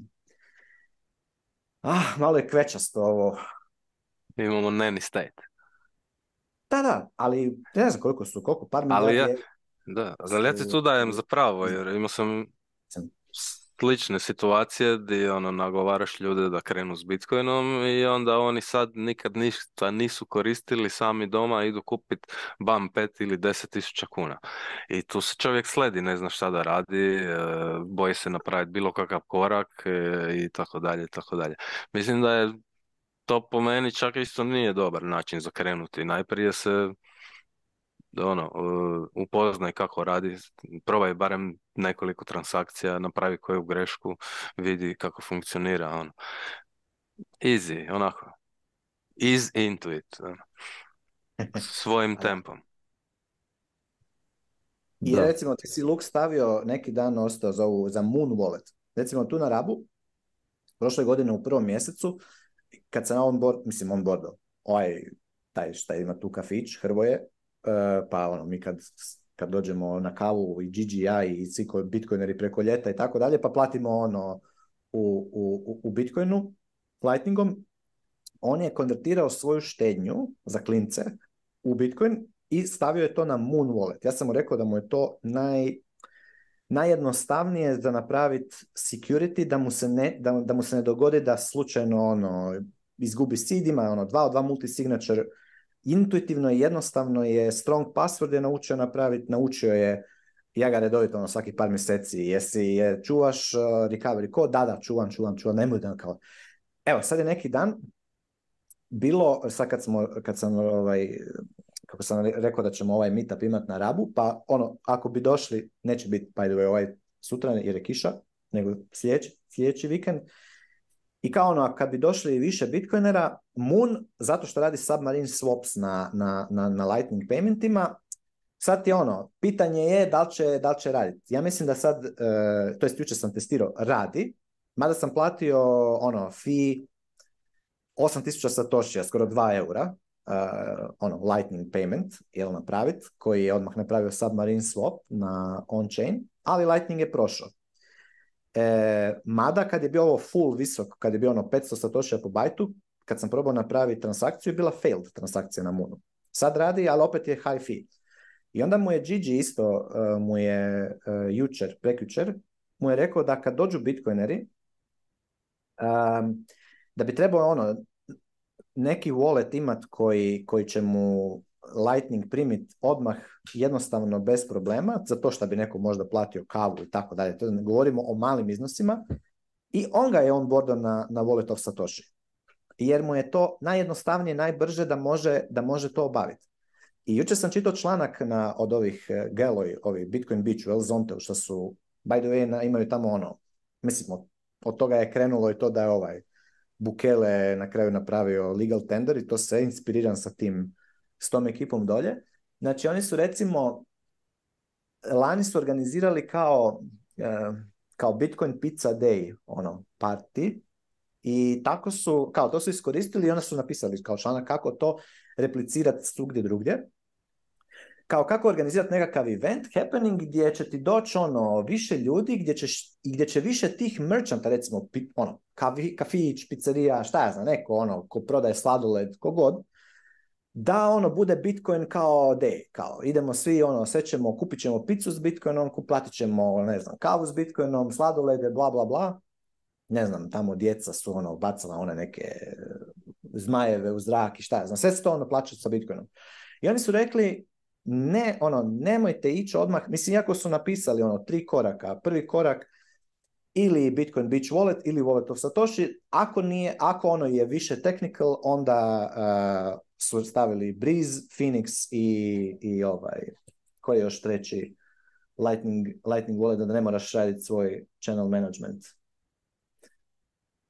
Neki još, neki još treći i kao treći, kao hard, ono, most e, korak je napravite ono, BTC Pay server svoj Lightning node i onda onaj ZUS wallet stavite na, na, na, na svoj Lightning node, ali to, je, to nisu, znači velika većina je uzela ovaj prvi i najjednostavniji paket i ljudi su odradili taj, taj event, znači ljudi su to napravili. I onda su se ovi koji su počeli prvi put sa Wallet of Satoshijem i Bitcoin Beach Walletom su počeli gledat, o vidi ovo super, tu smo, zaradili smo danas, ne znam, 500 dolara, jer je bilo ono ljudi puno pice, bla, bla, bla, ono, čuli smo o Bitcoinu, sad smo se ono nabrijali i kužiš, tako, tako to ide. A i, i, i po meni treba učiti malo i od, od, od tih ljudi koji su još više u in the trenches i vide kako to actually funkcionira, kako, kako stvari actually izgledaju on the ground. A opet, kažem, nije isti svaki use case, nije isti. Nije isti. Mm, i, i, i ja samo ne bih htio da, da ljudi hezitejtaju ući u Bitcoin zato što im neko kaže, e, eh, to nije proper way. Moraš ovako kako ti ja kažem i onda ako taj to ne kuži ili ne, ne, ne, ne ide mu, da onda ga, dobro, možda nije to za mene, who cares. I ono, Bitcoin krene i onda se sljedeći put sjeti isto tako za tri godine kada je Bitcoin na 200k, a ne na 25 ili koliko, 30. Jer samo to sam htio reći. Znači, a pogotovo, pogotovo s obzirom na to da tehnološki razvoj Bitcoina definitivno ide u smjeru da olakšava taj Bitcoin banking i, i, i ponuditi kas, kao custodial, čak ne mora biti full custodial banking, nego collaborative custodial banking, community banking na Bitcoinu. Šta je to community banking? Je to postoji kao koncept u, u, u fiat standardu? Pa ne baš. Mislim, postoje, oni zovu to small banks, community banks, ali realno ti možeš napraviti federaciju od desetero ljudi koji ono, čuva svaki, svaki jedan ki i ono, bankat, e, šta ja znam, 1500 ljudi e, sa, sa tom, federacijom. Tako da, a 1500 ljudi ti je već ono, meni tu na otoku da je takvih dva, recimo jedan tu na Rabu, drugi u Loparu, ono 10 i deset, da je 20 ono hardcore bitcoinera koji su ono hiperbitcoinizirani na full bitcoin standardu koji kolaborativni kastudi rade sa, na, sa Fedimintom, da niko ni ne zna koliko ko drži, za cijeli otok, bomba, kužiš, znači to bi, ja bi to odmah prihvatio, nego da sad niko ne, mislim niko, možda dvoje ljudi na otoku actually ide holy his own keys, e, sve ono, ide ono što bi rekli, što danas mi propagiramo, šta je ono proper, proper e, bitcoining. A ali ono, proći će vrijeme pa ćemo vidjeti. Ostalo, možda je to malo se front ranam prebrzo, ali, ali ono. Ja bih htio dati jedan praktičan prijedlog za tvog i bilog čijeg e, prijatelja koji ima kafić i tako želi početi primati Lightning, yes. E, nek instalira e, Bitcoin Beach Wallet, ima u settingsima opciju za merchante, može izabrati kako da izgleda njegova Lightning adresa, može napisati ime svog lokala, tu Lightning adresu može jednostavno napisati na cijenik ili bilo gdje označiti. Svakomu može poslati i napojnice ili platiti račun preko nje. Ima i drugu opciju koja je point of sale koji je slično ko, što ima Briz ili neke druge opcije. Jednostavno mu e, može, ima malu kasu na telefonu gdje izbacuje račune. I to pričam za, e, za Bitcoin Beach Wallet. A jedna, a druga opcija je Vault Pay što mi je Bitcoin neki dan e, pokazao, je, je isto tako custodial, e, opcija rješenje usmjereno baš za trgovce, imaju sad free verziju, međutim u budućnosti će biti e, ono, plaćene verzije isto i isto tako jedna jako zgodna opcija. Ovo su sve kustodijal opcija koje su napravljene da budu jednostavno za korištenje, da lijepo izgledaju i na kraju dana ili kad god trgovac želi može prebaciti svoje e, znači, sredstva iz te aplikacije u svoj custody. Ovo sam probao već, i to još prošle godine kad su tek izvadili, e, napravi, ono, krenuli, ovo je super i radi. Bitcoin Beach Wallet sam tek jučer instalirao prvi put e, i jako mi se sviđa, e, na šta, na, šta ti, ti recimo, pazi ovo, a pa vidi ovo pitanje. To je još veće, još luđe pitanje. Jel ti znaš da ti Bitcoin Beach Wallet default, barem u ovoj zadnjoj verziji, kažem, jučer sam actually testirao, defaultati, da kad ideš, stisneš na receive, defaultati na, na ove njihove, onaj stable sats. Stable sats je, su dolari u biti. Ja gledam ono, sad ću prebaciti 20 dolara i, ovaj, i, dođu, i dođe ono, ono, ono sve instantno i čovječe, ja gledam, a to su dolari, da, da, to su dolari. Ti možeš onda unutar Bitcoin Beach walleta konvertirati te dolare u, u, u satošije, jer kažem, možeš ih držati u dolarima ili u satošima, a držiš dolare, zapravo držiš taj, e, kako se zove, taj kao derivative contract, short contract, oni se rade u backendu, uh, by the way, ništa ti ne moraš misliti. Ali, ono, ljudi mogu držati i dolar i bitcoin u istom, u istom uh, e, walletu.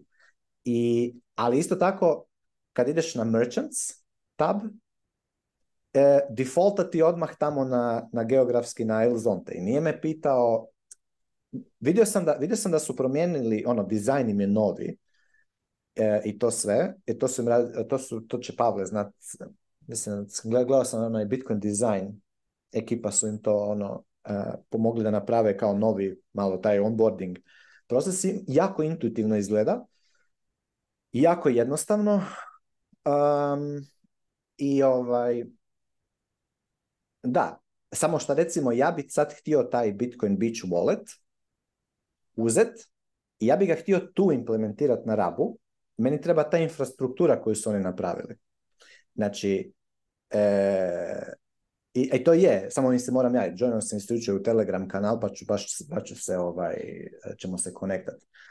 Ali limit im je recimo, koliko, ono, oko tisuću, tako nešto, oko tisuću dolara E, na dan e, ili, ili tisuću ili, ili, ili pet, tako nešto. Uglavnom, to im je ono limit e, dnevni withdrawal sa, sa voleta. Znači vidiš da je to ono... To, to za dolare. da, znači unlimited je deposit od Bitcoina, a withdrawal kao ne da li je withdrawal ili šta, mislim moram provjeriti. Ja mislim da je moguće da je to zbog, e, zbog zakona, jer je do, od 1000 dolara, dolara na gore moguće. treba KYC i tako dalje.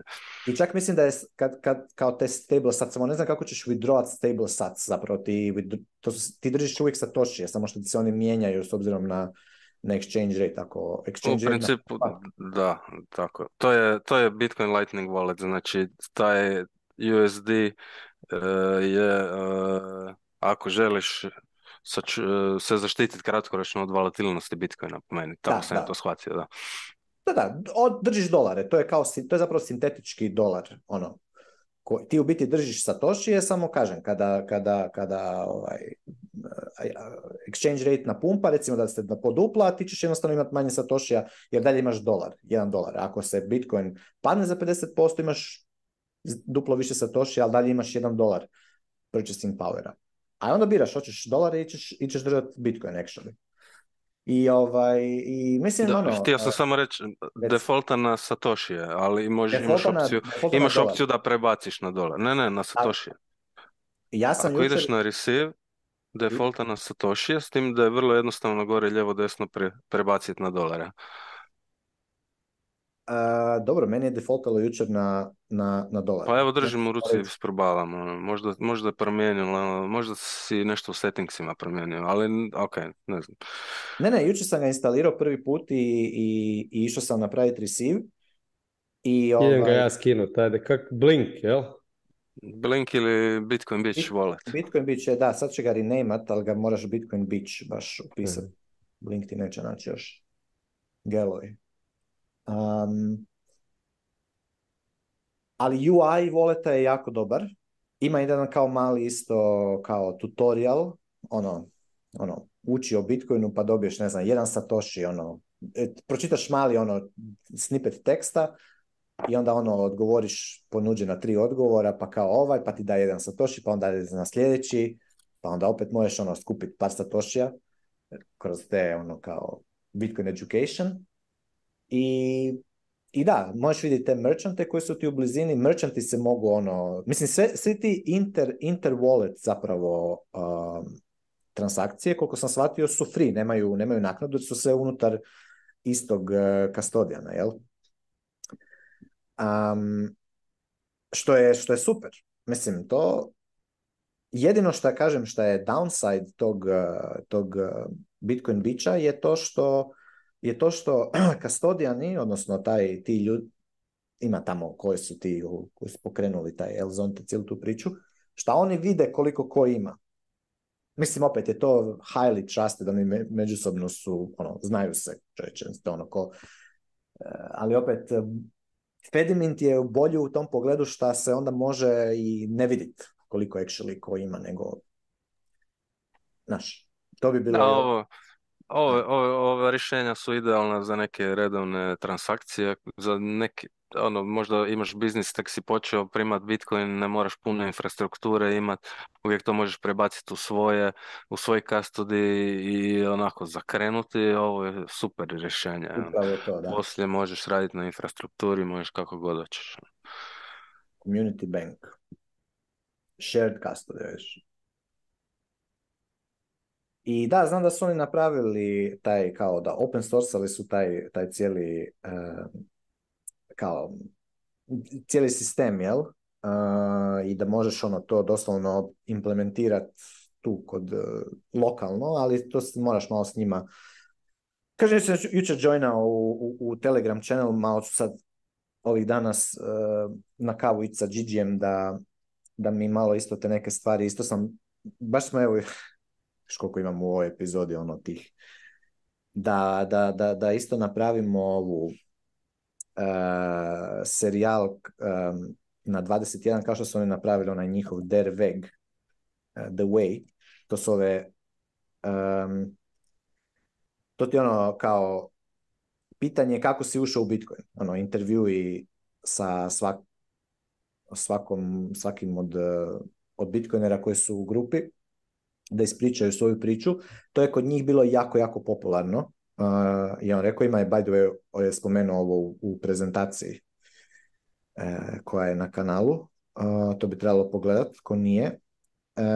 tako da ovo bi, bilo fora full da, da, da krenemo. Znači, format je full jednostavan. Ono, priča je o tome kako si kako si ono, kako si krenuo Bitcoin, šta je Bitcoin za tebe i tako dalje. Ali da, svašta imamo još tu. Ja imam samo pitanje vezano za ovaj Bitcoin Beach Wallet. E, znači, Lux, ovo što si rekao, defaultnu adresu kao da se namjesti, što je ovo your BBV address, jel? Tako je, da. Znači, s lijeve strane od ETA možeš upisati šta god želiš. To je fakat dobro za, ja isto imam jedan slično ovako šta je pao, rekao kafić, gdje sam gazdu nagovorio da prima bitcoine, pa sam ja, mislim, ja jedini klijent koji plaća ovoga u bitcoinu, ali čisto ovoga, da mu pojednostavim opciju, s obzirom da da, ja sam isto mm, ovoga, nakon Blue Walleta ga prebacio na Moon Wallet, pa nisam mogao platiti kavu ovaj tjedan, E, zbog ovih fijeva, pa ovoga, tražimo alternativu, tako da... Ovaj Bitcoin Beach Wallet mi e, djeluje... Bitcoin Beach.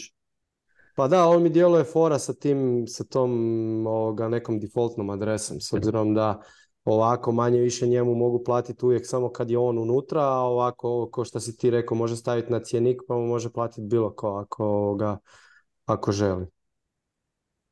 Taj, dio mi se full svidio eto, to ti je prvi korak. Sljedeći korak, ako se želiš igrati, onda e, lijepo instaliraš mu bits na njegovoj instanci, e, pokažeš mu kako da instalira Jubox i onda dođeš kad popiš kavu, naručiš si pjesmu isto preko, preko Juboxa i platiš sa Lightningom i eto.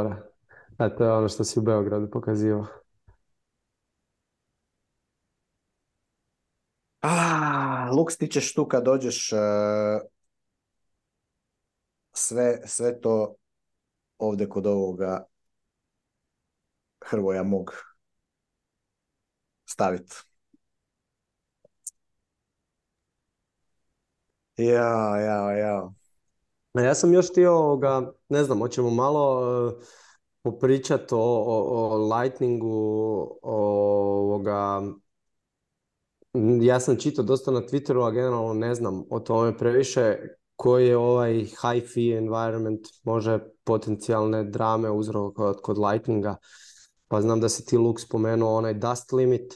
Isto tako ne znam da li znate zašto su ove transakcije s kojima su oni kao spamali network, odnosno ove su, s kojima su radili ove tokene, bile 546 satoshija e, svaka, jer sam primijetio da ih je bilo puno toga, pa ne znam ako neko od vas dvojice zna neš više o tome, jel ja ne znam, ja imam samo pitanja. Pa ne znam da je taj dust limit e, bio 520 i nešto, 524 satoše čini mi se, znači e, ispod te, znači svaka, svaka transakcija ispod tog iznosa je neisplativa za raditi za mrežu i, i mreža će ju odbiti, to se zove taj dust i, i, zato su bile, znači zamintati te tokene, oni su jednostavno morali napraviti da bi mogli iskrajbati nešto na blockchain, morali su napraviti transakciju, zato su radili najmanje moguće transakcije da bi da ne bi ti satoshi spali pod dust limit, ne, da, bi, da, ne, da bi se mogli dalje koristiti. Ono. I to je u principu to. Ono. A pa, recimo kak Lightning može funkcionirati u high fi environmentu, je to problem sa otvaranjem kanala i slične neke stvari, e, pa znači Definitivno utječe na cijenu otvaranja, zatvaranja kanala, ono, ali, ali Lightning infrastruktura eh, se ne gradi preko noći, ne ovisi o trenutnoj cijeni eh, chain fee Um, spomenuli ste prije strpljenja. Znači, svakako se bavio Lightning nodovima, bar mjesec, dva, naučio jako bitnu lekciju, to se zove strpljenje, jer ništa ne ide preko noći, za sve treba vremena i otvaranje, zatvaranje Lightning kanala nije nešto neka transakcija obično koja je vremenski ograničena je najveći problem imaju novi, novi nodovi koji se žele probiti i, i establishat na mreži. Ovaj fee environment definitivno otežava njima najviše. Ali ovi veliki nodovi, oni su svoje pozicije već više manje ostvarili. sigurno da utječe na njih e, e, zna se dešavati force closure znači prisilna, prisilna, zatvaranja Lightning kanala koje, koje u, nekom environmentu di, di dolazi do eh, moram prevađati u svojoj glavi, stak HTLC, znači di se te transakcije mm, negdje, negdje zaglave i onda se zna desiti da not sam pokrene force closure. U high fee environmentu to može biti jako skupa transakcija e, jer se može nakačiti e, podaci od tih transakcija u witness data i onda postoji mogućnost da, da ta transakcija iznosi i nekoliko tisuća dolara. E, međutim, ima načina di se to može, kako se može zaštititi od toga. Ne? E, za obične korisnike koji su koji imaju svoje channele od prije koji oni jednostavno možda mogu primijetiti blagi porast transakcija zato jer nodovi općenito u high environmentu dobro je za njih da podignu naknade, da, se, da si pokriju troškove eventualnih force closure i eventualnih otvaranja, zatvaranja kanala. Ono. Ali to stvarno za redovne transakcije se niti ne primijeti. Ono. Dobro, super.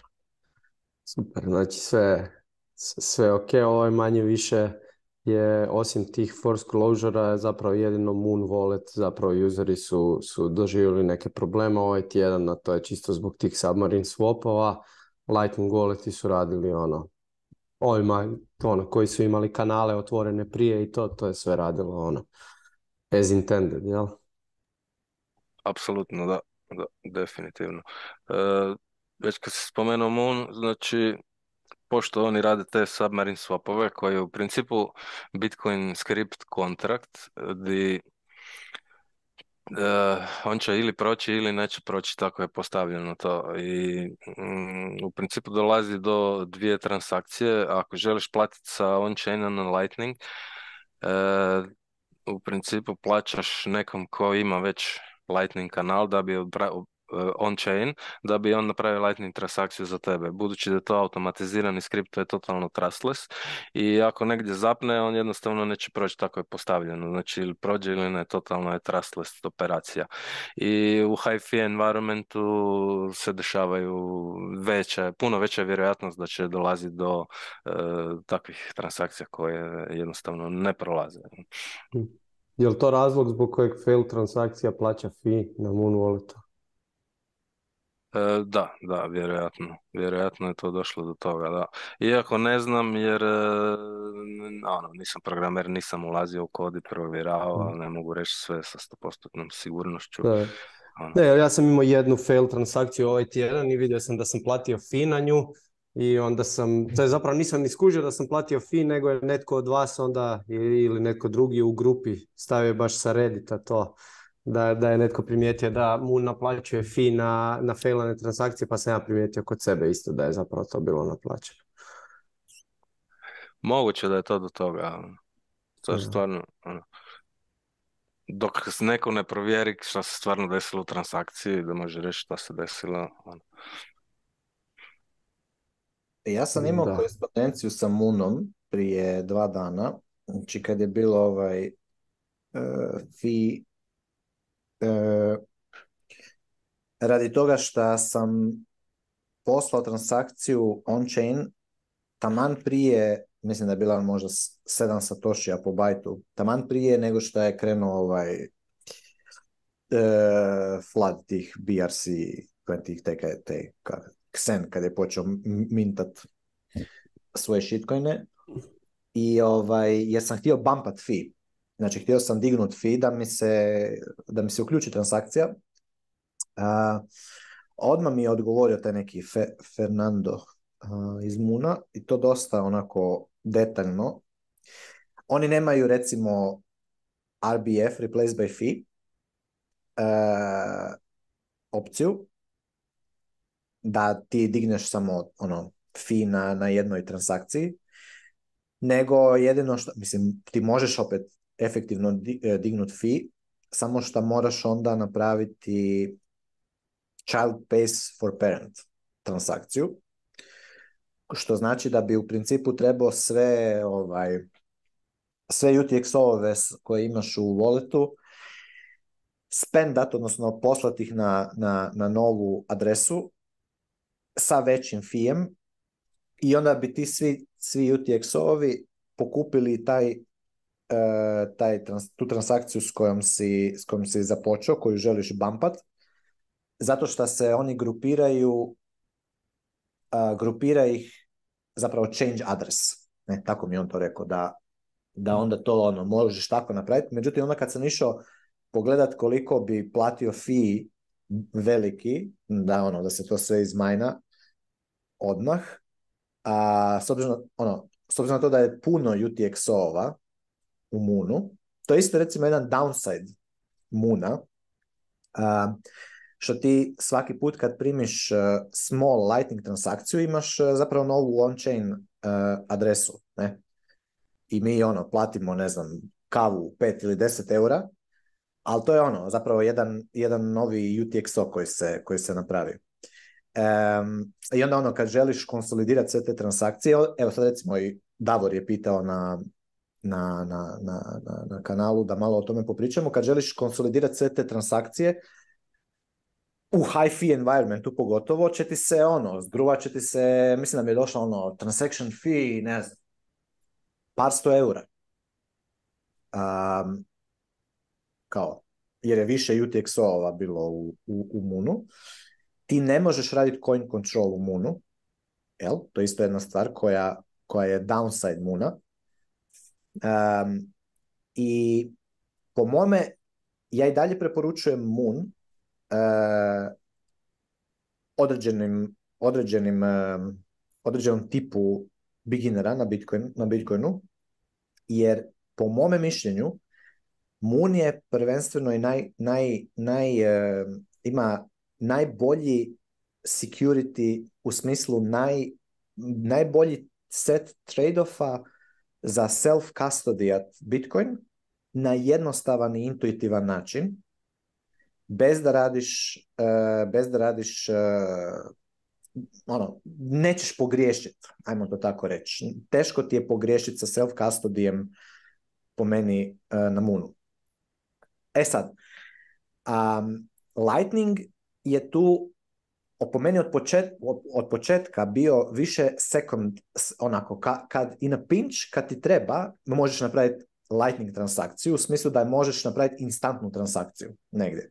Ali to je prvenstvo, to je zapravo on-chain wallet, koji, koji je doduše sekuran ne preko mnemonics, ne preko 12, uh, 12 words, nego ima taj svoj sistem kojega može, ko želi pročitati od ovoga Darija Sneidermanisa, uh, blog post, zašto su oni to implementirali, zašto su, zašto su se zašto su išli takav backup radit, a ne uh, ono, seed, BIP39 i, i, ostale. I iz mojeg iskustva je to e, puno uh, security za ordinary person, provided da taj ordinary person nauči prije toga proper password management. Ako zna proper password management, Moon će moći jako, jako dobro osigurati. A ovaj, e sad, definitivno u ovom high fee environmentu sad, sad je malo palo, ali možda se opet sljedeći tjedan na pumpa, ko zna, nikad ne znaš e, ono šta, šta, šta shitcoineri mogu e, krenuti raditi. mislim, da li treba defaultat na Lightning first, e, sve uvijek zavisi, zavisi o iznosu, zavisi o, o tome šta, šta radiš. E, e, ja sam probao isto jučer i prekjučer opet Phoenix koristit u, u ovom high fee environmentu i isto je bio afektan. Znači prvo imaš warning da su ono high, ono, u, u walletu ono, high transaction fees i tako dalje.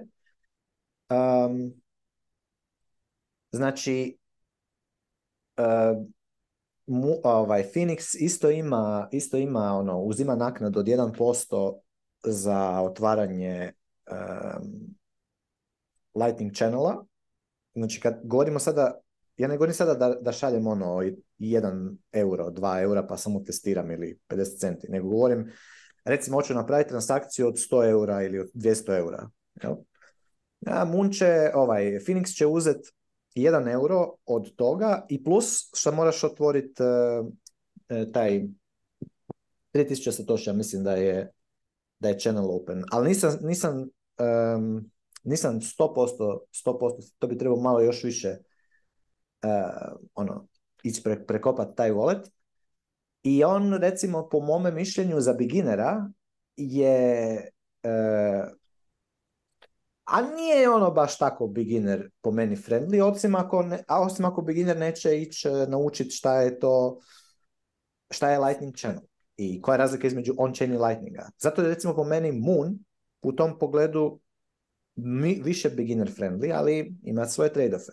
Phoenix je manje beginner friendly, ima svoje trade-offe. I opet ti nisi sa Phoenixom potpuno trustless. Znači ako, si, ako po meni imaš keraš oko toga da, da da budeš ono što bi rekli privacy, sovereign i tako dalje, ono proper, a onda ti baš ni Phoenix nije uh, the way to go, onda trebaš ići šta, Blixt ili Zeus, jel? pa na svoj node se spojit i at lightning node.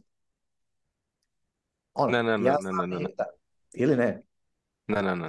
Sorry, morat ću, te tu samo ispraviti. To je, e, to je ako imaš routni, a routing, javni public routing node, imaš mhm. tu opciju sa Zeusom, naravno možeš se spojiti na svoj node. Ali 99% ljudi nema potrebu da radi svoj e, javni e, routing node, njima je dovoljno to što si spomenuo Blixt ili, ili Open Bitcoin Wallet, to su dvije solucije koje sad pružaju potpunu kontrolu i u self-custody Lightningu. Ko što si spomenuo, uh, Blixt je, ovaj Blixt je uh, Phoenix. Phoenix je self-custodial uh, i oni, oni su napravili jedan miks svoje infrastrukture i, i, i, od usera infrastrukture, ti dalje imaš svoj nod na telefonu, međutim oni su, možeš, nemaš opciju otvaranja kanala, oni to sve preko svog noda hendlaju za tebe i plaćaš 3000 satoshija uslugu otvaranja kanala i onda je korisno znati da kad oni otvore prvi put kanal za tebe, da je to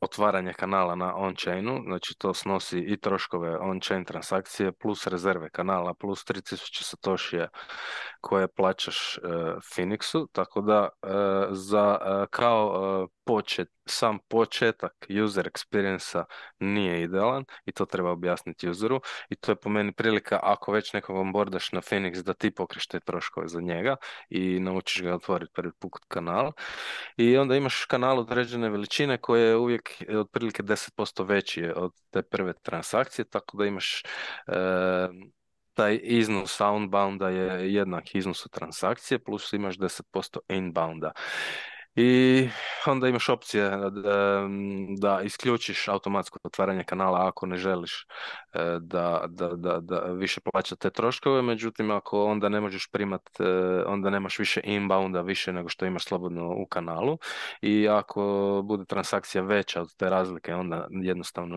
neće je wallet primiti. I ako malo E, odradiš taj channel management u smislu da paziš da ne potrošiš da ne, da ne ostaneš bez Satoshi u kanalu jer u tom trenutku će Phoenix zatvoriti kanal i jednostavno ga nadopuniš bez da pređeš iznos kanala tako da će sve sljedeće transakcije biti lightning transakcija vrlo jeftina i ako se tako postaviš onda ćeš koristiti Phoenix na najbolji mogući način Naravno, nije toliko user-friendly za samog početnika i on slažem se s time. Ali je kao non-custodial opcija jedna, jedno od boljih rješenja koje postoje trenutno na tržištu. Je, ima svoje trade ali su našli neko rješenje e, za abstrahirati taj management od korisnika, a da ipak bude custodial. A šta biš ti, Lux, preporučio evo te recimo sad jedan konkretni ono, use case. Uh, recimo da ja radim peer-to-peer ono, exchange s nekim svaki, recimo, oko 100, 100 dolara tjedno. Jel? Ajmo reći. I ok, kad su fijevi bili, ono, ne znam, 10-15 centi, who cares? Napraviš četiri puta po četiri on-chain transakcije u mjesec dana. Ali recimo sada kad je ono, i sada je već možda 2-3 dolara on-chain jedna transakcija, to je već 2-3% od 100 dolara transakcije, to je već a ono Visa like eh, ono transaction fee malo već stinka, i a definitivno Stinka kad su bili, kad, su, kad je ovo bio 500 satoša po bajtu, pa bi ta transakcija bila 20-30 dolara. To definitivno onda ne bi išlo on-chain. Ali recimo, recimo da ja eh, ono, da imam taj peer-to-peer ono, eh, exchange i sad bi ja, na primjer, u Lightningu htio bi otvoriti jedan, recimo da, bi ja, da ja znam da ću se s tim, s tim nekim exchangeat sigurno narednih 3-6 mjeseci, možda i više. A, svaki tjedan po jednu transakciju, možda čak i češće. Znači ja bi otvorio šta? Lightning channel s njim a, e, od recimo 3, 3 mjeseca puta 12 puta po 100 1200 dolara ekvivalentu u Bitcoinu transaction, ono, channel, platio jedan fee, je tako, jedan mining, ono, channel open fee i onda bi se mi, ono, instantno free transaktali uh, in between. Koji wallet preporučit u tom slučaju za toga koji će to resivat, za mene koji ću ja to slat. Uh, I ono, ja sam gledao kombinaciju, uh, gledao sam ovoga Zusa i i recimo spinat, ne želim ranat Lightning Node, eh, mislim mogu ga ranat ovako testno na laptopu ili, ili sa strane na, na Raspberry Pi, ali mi se ne bih htio da mi to bude cijelo vrijeme uključeno, eh, nego bi rađe htio cloud eh, Lightning Node ranat na voltage ili neku drugu. Ako imaš neku drugu uh, neku drugog provajdera reci, ali recimo šta biš ti rekao u tom konkretnom use case-u, šta je onako naj, kako, kako leverage Lightning e, da, da bi se uštedilo na fijevima on-chain. Suppose da recimo ostanu ovako lagano zagušeni uh, fijevi. Tako da on, to ima smisla ići napraviti. Čakaš. Znači, Kako ti bi kao user, e, kao user dovoljno ti je blikst kao mhm kao merchant, kao trgovac imaš cijelu lepezu opcija. E, za otvarat Lightning channel sa nekim, e, možda bolje gledat ako, znači bez vremenskog ograničenja da ćeš ti sad imati redovne transakcije, na primjer imaš dućanu kvartu ili kafić koji ideš često ili nešto di redovno kupuješ, uvijek se može izračunati isplativost e, s obzirom na očekivanu E, trošak transakcija. I kao merchant ono stvarno ima sve više i više rješenja. E, ako, ako, ako tek počinje, ako nema puno Lightning transakcija, može koristiti jednu od ovih opcija što smo spominjali. E, može biti kustodijal za redovne transakcije i onda prebaciti u svoj kastodi po potrebi ili po želji ako je već ozbiljniji trgovac, malo veći, radi puno više lightning transakcija, onda definitivno mu se isplati napraviti svoju infrastrukturu, svoj javni routing node, gdje će on poticati e, svoje redovne trgovce da otvaraju kanale prema njemu. I to, to je najjeftiniji mogući način, znači onda te transakcije u Lightning Channelu su bez troška. Ono. I onda je jedini trošak nadopunjavati kanale kada ostaneš bez likvidnosti u njima.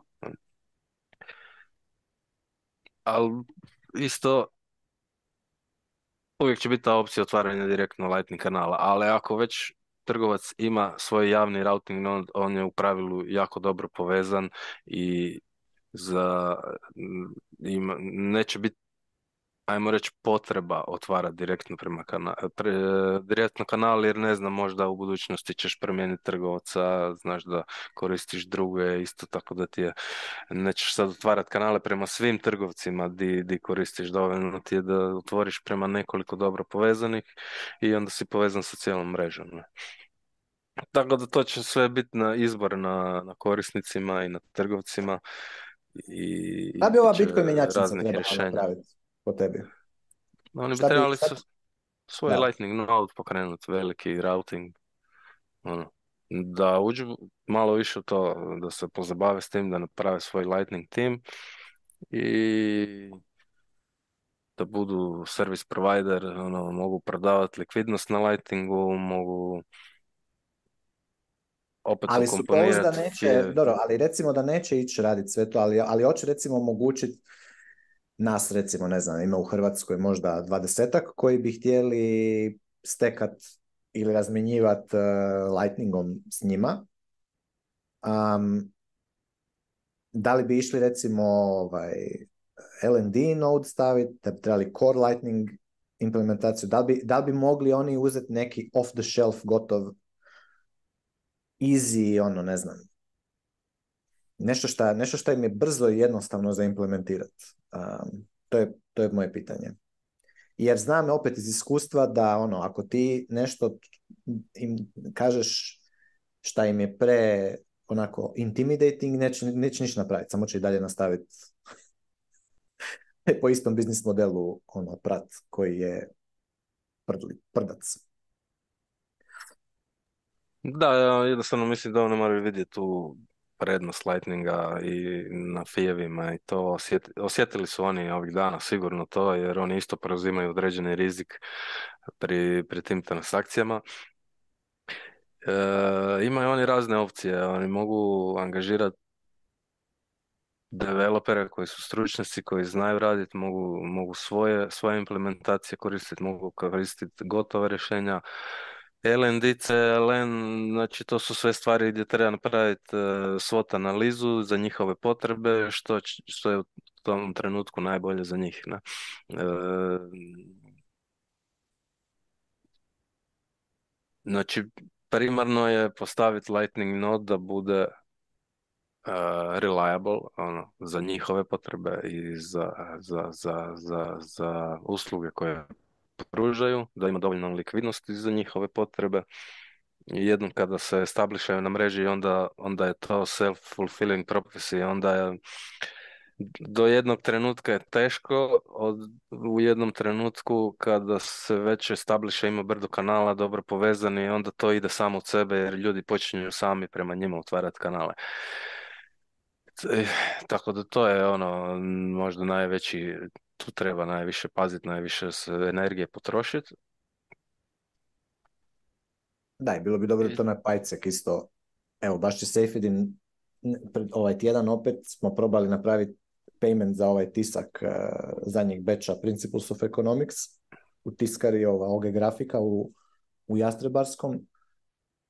I ono, Pajcek ti da, koji što isto, ono, to nije, nije ko BTC Pacer bi bio puno bolje ili OpenNode. Jer pajcek PyCek ti generira, ono, jedan put kad napraviš payment request, on expire za 15 minuta. Ti ako ne, ne, ne, ne platiš odmah, više nije ovaj, relevant. I nije ono da ti je cijelo vrijeme statično stoji pa da možeš da ti se self-refresha. Kojiš, znači to je isto, ono, i naravno Lightning da ne govorimo, to je, ni, ni nema ono, opcije. Tako da... ja sam siguran da oni s tim pajcekom imaju stvarno puno trgovina diljem Hrvatske, ali ne vjerujem da oni rade jako puno transakcija, da im to još uvijek predstavlja e, veliki ono operativni problem u firmi. ja mislim da bi, da bi da uvedu Lightning u Pajceku da bi im se povećao drastično broj transakcija ono, na nivou da bi u konzumu plaćali s Lightningom da? Pa ja znam da bi ja plaćao. Ono. Evo, ako možeš double spend. Molim? Jesi ga probao platiti u konzumu sa, sa... Ne, nisam, nisam. E, nisam ni ja, jer ja mislim da bi me ove tete poslale u, u klinac. ja mislim da... možeš, e, znači čim oni ne integriraju Lightning, s obzirom da Bitcoin, ima 10-minutni block time, oni moraju preuzimati taj rizik u potpunosti na sebe, a mislim da su to i rekli da rade e, u startu zato što ti ako nešto plaćaš to mora instant proći, ne? a njemu će transakcija, znači on, on zero confirmation, njemu prolazi. A baš sam slušao rebit Hole Recap sinoć i svi ti trgovci koji primaju zero confirmation su najebali u ovom high fee environmentu jer možeš double spendat, samo u Bitcoinu nema toliko bad ektora, pogotovo tih ono, kupaca koji će to ići eksploitat, ali teoretski taj njihov model možeš eksploitat, što potvrđuje ovu tezu Luxovu da ne, ne puno ljudi to ne koristi, da ne radi puno transakcija, ali vjerujem da bi ih neko eksploito već. Iako to je moja spekulacija, ne znam detaljno to, ali u principu double, double spendat možeš svakako, ne? Jer da. U prin... svako ko, ko, prima zero confirmation možeš mu double spendat. Da, u teoriji možeš, da. No. Ok, čekaj, samo da još, još, još samo jedno pitanje i da onda da mi bude clear. Znači, Lux, sad ja kažem, znači ako imam nekoga ko hoće peer-to-peer sa mnom raditi 100 eura tjedno, hoću, samo nas dva razmjenjujemo 100 eura tjedno, a, Lightning, koji wallet, a da nije wallet of Satoshi, koji je meni prvi pao na pamet. Ja sam malo razočaran danas, ono, dobro smo krenuli, E, počeli smo preporučivati Bitcoin Beach Wallet, na kraju si opet preporučio Moon, pa ništa, morat ću još šerat ovih negativnosti o Moonu u grupi. ne, e, ne, ajde, evo, evo, ne, Moon nije e, Znači, sve ovisi o korisnicima, a šta oni vole, s čime su, s čime su se osjećaju ugodno i što im nije problem koristiti. Ono, imamo toliko rješenja u Lightningu a reci, sve recimo da hoćeš self, ono. lightning, svaki tjedan 100 eura. Evo, imam, znači, ok, e, instalirate oba dva blikst, instalirate oba dva Blixt, otvorite međusobni kanal i šaljete se međusobno sa Tošije koliko god hoćete. Ono. Kako ja dobijem, kako prvi, kako, kako prvi ovaj Blixt uh, e, transakcija, znači ja moram na Blix. Znači, ovisi ko će kome slat pare. Znači, ako ti šalješ uglavnom ja njemu pare, ok, onda sav likvidnost treba na tvojoj strani. Izračunaj si otprilike da napraviš ne znam koliko ćeš transakcije raditi. Ako će biti 100 eura tjedno, znači kroz godinu dana to će biti 5200 eura i sad barem si pokri prvi godinu dana, ajmo reći, sa Lightning kanalom, znači gledaj si da bude ta veličina, da imaš toliko likvidnosti na svojoj strani. Otvorio si sad gledat ćeš, naravno pogledaš Mempool kako je stanje sa fijevima, procijeniš e, kada tebi treba kanal, koliko ćeš platiti fijeva, to, to je on chain, on će transakcija koja će... Ali Blix, Blix bi preporučio za taj use case. Pa da, pa da. Znači, ja ili Open, znači s nijednim drugim mobilnim walletom ne možeš otvarati kanale. Imaš, postoji, e, ima desktop wallet uh, e, Electrum, sa mhm. njim možeš, na primjer, ili sa Blixom, ili sa Open Bitcoin walletom isto ok, sad recimo, sad pitanje ovako. Ja otvorim Blixt, on otvori Blixt, ja na svoj Blixt dodam sa svojeg on-chaina 5000 eura e, transakciju, jel? Otvorim fee, otvorim channel sa, sa njim, jel? I krenem mu ono, šibat svaki tjedan, on meni fiat, ja njemu bitcoin. Meni fiat, bitcoin. Nakon recimo dva mjeseca, tri mjeseca, oko 1000 eura sam ja njemu poslao i recimo da on želi sada e, eh, platiti kavu sa svojim blikstom Mora se konektat sa, on mora otvoriti channel onda sa nekim i tako, sa routing eh, nodom. I, jer nas dva, sam, mi smo samo imamo channel između sebe. Jel grešim ili ne? Ako, ako je, ne, ne, ne griješiš. Ako, ako jedini njegov channel sa tobom, on može raditi samo s tobom transakcije. Ako ti nis, ako je tvoj nod isto privatni, ako ne vrši routing. To je točno. Znači, a on ako želi raditi bilo kome, ako, ako želi koristiti mrežu, mora biti povezan bar sa jednim e, malo većim nodom koji je dobro povezan. Ili bi se ja mogao povezati sa malo većim nodom koji je dobro povezan, pa onda on može hopat nazad preko mene. Ako je tvoj eh, mobilni, tvoj mobilni nod je privatan, ne vrši routing, on ne može prema preko tebe raditi routing. Znači, Blix je samo privatan mobilni nod, jel? Ne može raditi routing. Tako je. Znači, u, ovom slučaju, da bi on sa svojim Blixtom mogao dalje negdje plaćati, on mora otvoriti sa nekim routing nodom praktički channel, jel? Da ga taj da. routing node poveže sa, sa ostatkom networka. Ok, ok, jasno, jasno. Dobro, dobro. I... E... Ali u, principu mi nećemo otvarati privatno e, kanale međusobno. Ok, ono, može, imaš tu opciju, ali te bi dovoljno otvoriti, na primjer, tri kanala sa javnim public, public routing nodovima koji su dobro povezani i nema puno ekonomske, ekonomskog smisla sad otvarati beskonačno puno kanala jer em moraš zaključati likvidnost, em su on-chain troškovi i e, ako su svi dobro povezani, Lightning je efikasan, fijevi su vrlo mali i e, likvidnost je ono dobro raspoređena, tako da ti se u principu brineš samo za svoju likvidnost ko što se brineš da imaš novaca u džepu kad ide ono, za trošenje. Mhm. Znači onda isto recimo, ok, znači u tom slučaju kad bi išli tim, uzeli bi Blixt i on i ja, ja bi otvorio sa Blixtom, odnosno ja bi otvorio e, channel sa nekim routing nodom većim i on bi isto u Blixtu otvorio channel sa nekim routing nodom većim i onda bi mi mogli Blixt to Blixt slat, ali ne direktno jedan prema drugom, nego rautanje, ono, okolo. I onda se svako sam brine za svoj liquidity da može poslati primit. U našem slučaju 100 eura tjedno. Jel? Tako je, da.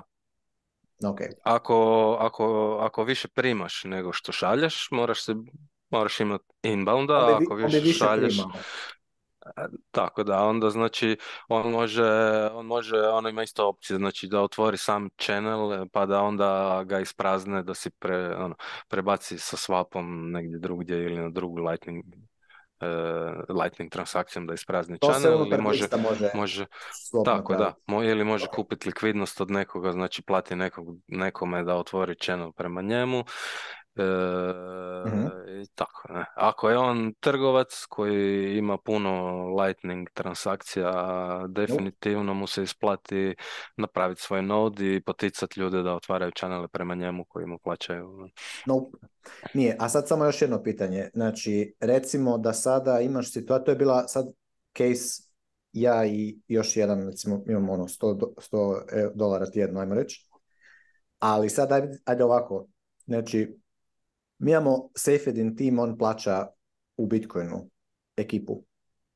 To je recimo možda jedno desetak ljudi svaki mjesec koji ono imaju svi on-chain eh, paymente. To je sad definitivno bilo ono high, high, high fee.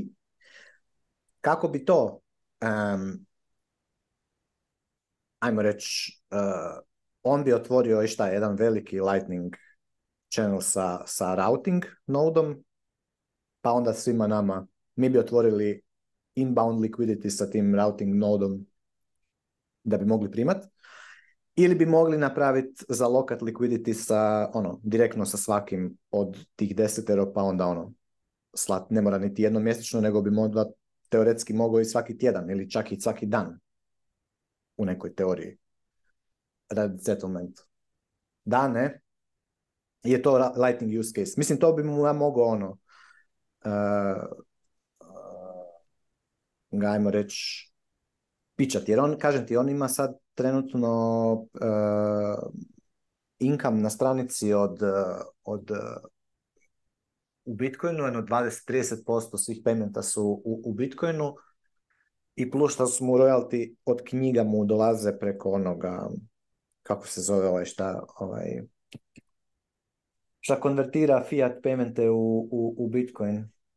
Bitwage. Tako da mu Bitcoin balance je ono tu, a, ali nismo još opće pokušavali to, to napraviti Lightning e, infrastrukturu za, za plaćanje. A sad bi recimo isplatilo, jer ako on sigurno u ovih zadnjih par dana platio par sto, ako ne i tisuću i više plus dolara fijeve za sve te paymenta. To bi se isto onda u principu moglo složiti. Samo bi onda on morao ili otvoriti više, ili otvoriti više channela direktno prema nama ili, ili otvoriti ili mi, direkt, ili mi otvoriti prema routing nodovima i on prema routing nodu i onda on jednostavno se pluginati i, i slati te paymente. Ima opcija da imate svi račun na, njegovom, na njegovoj infrastrukturi i da svi ti paymenti budu bez ikakvih naknada sve na njegovoj infrastrukturi i onda ti uvijek imaš pa može imat pay server, može imat e, bits, može imat e, neku od node bundle rješenja ili, ili šta god, stvarno ima opcija. E, ako recimo pay server jednostavno napravi usere unutra, svako ima svoj pristup, svako ima svoj admin key i on samo prebacuje sredstva unutar, unutar njegove infrastrukture bez ikakvih naknada, ono to može biti lightning i ili jedna opcija da, mhm. ima stvarno ima više opcija i trebalo bi stvarno staviti na papir, vidjeti kakvi su troškovi, kakve su, ono, kakve su mogućnosti uopće e, ljudi da se bave s tim, što je najmanji hesel i što je najisplativije. Stvarno bi to trebalo staviti na papir i, i usporediti sve opcije i, i, i prednosti i mane svih opcija i onda na kraju zadnja riječ je njegova što njemu najviše odgovara. I... Da. Good thing for lightning, vidiš? Znači, dobri su ovi fijevi, Sad počeli smo ono, konkretnije razgovarati o tim stvarima. To prije uopće nije bilo toliko bitno. Rutam da dođu fijevi na 100 dolara next block. Ono, stable. Da, pa sve je ono, ono što, što ti često kažeš, sve je dobro za Bitcoin. Pa to i dobro je da da dolazi do ovakvih e, ono, stres testova, to je i Pavle napisao u Telegram grupi onaj dan kad se malo raspitivali, dobro je da do tog dođe, jer e, onda vidiš šta u principu ono, koji su potencijalni ti point of failure i, na čemu se treba raditi, šta high fee environment uzrokuje, da, da se na to može bilda dalje. Tako da ono, sve to, sve to super. Ovoga, ne znam, ja sam, ja sam Davoru ovoga, obećao, još mi se javio i na Twitteru da, da ću mu malo detaljnije o tom ovoga, UTXO-u, pa sad ne bi baš predetaljno, ali mogu čisto ako, ako hoćete još da to pokrijemo. Ono. Jer, jer postavio je pitanje u principu da, da ga zanima sad zbog tog high fee environmenta, taj malo UTXO management i to mi gotovo nikad nismo pričali o tome, možda nekada kad, sam, kad smo o nekim coin joinovima pričali, pa čisto, kratko evo sad. Znači i za one koje ne znaju UTXO je Unspent Transaction Output. Mm, u principu to je računovodstveni model na kojem je Bitcoin baziran. Znači svi ovi dost, računovodstveni modeli na koje ste naviknuti do sad e, su nekakvi Excel sheetovi gdje u principu pišu e, određeni iznosi koje, se nalaze na nečijem računu. Znači na taj način funkcioniraju bankovni računi, na, na taj način funkcionira manje više sve na što na taj način funkcioniraju svi shitcoini e, i manje više sve što ste do sad navikli koristiti. Bitcoin koristi nešto drugo, to su ti UTXO-ovi i zapravo kad pričamo o stanjima na Bitcoin računima, pričamo o nečem što se zove UTXO set. Sad ako je to kompleksno, ja sam fan tih e, jednostavnih analogija kojih ono postoji u Bitcoinu brdo, mm, a to vam je analogija sa zlatom. Na primjer, zamislite si da imate nekakav zlatni grumen od, pojma, 100 grama i da trebate nekom platiti e, nešto u protuvrijednosti 5 grama zlata. Kak bi to napravili. Sad ne možete baš odlomiti, ali ne znate točno kako ćete odlomiti. Znači morali bi rastaliti cijeli dio i ovoga, odvojiti 5 grama od toga i na kraju kad bi sve to se vratilo u prirodno stanje imali bi 95 grama e, veći kamen i 5 grama manji kamen. I taj 5 grama manji kamen bi dali, a ovih 95 bi zadržali sebi. I točno na taj način funkcionira UTXO model. Znači kad šaljete transakciju, šaljete sve, u ovom primjeru zlata, šaljete svih 100 grama zlata, 5 grama ostaje kod onog što ste mu htjeli poslati, a 95 grama se vraća vama. I tih 95 grama bi u tom nekakvom karikiranom primjeru bio jedan UTXO. E, sad, ajde ovak, možda najbolje da ja to nekako malo nacrtam u Paintu, samo da vidim da li mogu šerati. E, share screen. Evo ga. Evo ovako. E, znači sad, na primjer, da imate... Da ćemo ovako primjer, dva, dva, dva jednostavna primjera. Imate osobu jedan koja je kupila jedan Bitcoin od nekog prijatelja prije par godina kad je Bitcoin bio puno uh, jeftiniji i ovoga E, taj jedan Bitcoin mu je taj prijatelj poslao, znači kupio je u komadu jedan Bitcoin i taj, taj friend mu je poslao jedan Bitcoin na njegovu adresu. Znači ta osoba jedan ima jedan Bitcoin na svojoj adresi koji se nalazi u jednom UTXO-u. Znači jedan UTXO. Osoba dva je neki, neka osoba koja je dollar cost average i ajmo sad radi jednostavnosti primjera reći da je u 10 kupnji, znači u nekakvih 10 kupnji, za tu cca 10 crta, svaki put kupila po 0,1 bitcoin. 0,1, sad dobro, znači 0,1 skroz do dolje. I e, svaki put recimo da je to rađeno na nekakvoj ono mjesečnoj bazi, ajmo reći znači unutar 10 mjeseci je ta osoba skupila isto jedan bitcoin.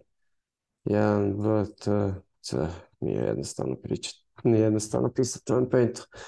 I sad kad bi pogledali te, te dvije osobe i, i, njihov wallet, e, manje više kad se ulogirate unutra, vidjeli bi da mm, je stanje Bitcoina kod obje osobe jedan Bitcoin. Međutim, kad bi, to, kad bi taj Bitcoin odlučili slat, ova osoba koja ima UTXO jedan Bitcoin bi platila samo za taj jedan Bitcoin. Na, primjer, ajmo ovakav primjer reći. E, znači, treba poslati 0,2 Bitcoina i jedna i druga osoba. I sad, kad bi ova prva osoba slala 0,2 Bitcoina, oni bi zapravo uzeli ovaj UTXO od e, jednog Bitcoina, poslala 0,2 Bitcoina nekome kom treba i 0,8 Bitcoina bi mu se vratilo i to bi bio novi UTXO. Znači to bi bio neki UTXO 2. Ovo je UTXO 1. Samo to UTXO 1 je ovo. E, I fi, bi bio plaćen, s obzirom da pričamo o ovom zbog tih high fee-eva, fi bi bio plaćen samo jedan, zato što šaljete jedan UTXO. Kad bi ova osoba 2 to radila, ona ima 10 UTXO-ova koji zajedno, 10 UTXO-ova od 0,1 Bitcoin koji zajedno čine jedan Bitcoin. Kad bi trebalo poslati 0,2 Bitcoina, morali bi uzeti dva UTXO-a, znači 2 puta po 0,1 Bitcoin i poslati ta dva, ta dva UTXO-a nekom drugom. I e, ta dva UTXO-a, znači flatio bi fee na oba, zato što šalje svoja dva UTXO-a, krivo sam zaokružio, zapravo bi bilo ovako, znači jedan i drugi, znači slao bi, ajmo reći, kao nekako dvije transakcije, a ova druga osoba bi primila 0,2.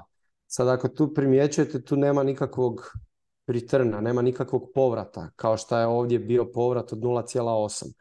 To je zato što ovi ostalih 0,8 bitcoina kod ove osobe 2 je u zasebnim UTX-ovima koje ne, ulaze u to inicijalno slanje. Znači, mi smo izabrali, sad ja sam tu namjerno radi jednostavnosti izabrao okrugle brojeve i okrugle primjere. Ima tu još dosta tih nekih sitnica koje su sad prekompleksne da, da pričamo o njima. I naravno u svakom slučaju sam zanemario fi, znači nikako ne može biti ako šaljete jedan bitcoin da 0,2 završi ovdje, 0,8 dobiti tu, jer trebate platiti nekakav fee. Znači realnije bi bilo da 0,2 dođe nekom kom ste slali, a da 0,79 na primjer se vama vrati. E, I e, isto tako ovdje ne bi baš mogli poslati dvije transakcije po 0,1 da ovaj dobi 0,2, nego bi to moralo biti nešto malo veće da pokrite fi. Ali to je u principu način na koji to funkcionira. E, sad, on je pitao malo ono o tom nekom UTXO managementu to je slično kao i sve u Bitcoinu, kao što smo mi pričali sad o, o voletima i sve to, nema neke idealne opcije. Idealnu opciju moraš izabrati sam za sebe. Naprimjer, netko ko kupuje Bitcoin, znači ko je taj, bavi se dollar cost averagingom i kupuje ga na tjednoj bazi ili čak kupuje dva put tjedno ili tak nešto za nekakve manje iznose. E, potencijalno može imat, znači ako kupujete jednom tjedno e, i svaki put to povlačite na svoj wallet, vi ćete unutar godinu dana imati 52 UTXO-a. I ako želite potrošiti te bitcoine, ajmo reći cijeli taj iznos svih tih 52 UTXO-a da želite platiti, platit ćete jako velik fee. Vjerojatno ako ne kupujete za nekakav veliki iznos na toj tjednoj bazi, vam se može dogoditi da vam u nekom slučaju fee pojede cijelu vrijednost tog UTXO-a tako da to je nešto ovoga na što se treba obraćati pozornost. S druge strane, ako ste jedna, ako ste na primjer osoba jedan koja ima sav svoj Bitcoin u jednom UTXO, svaki put kad šaljete Bitcoin, na primjer da od ovih, da, da imate 10 Bitcoina i da, da trebate poslat 0,1 eh, Bitcoin, vi ćete zapravo slati svih 10 Bitcoina i vama će se vratiti 9,9 Bitcoina na vašu adresu.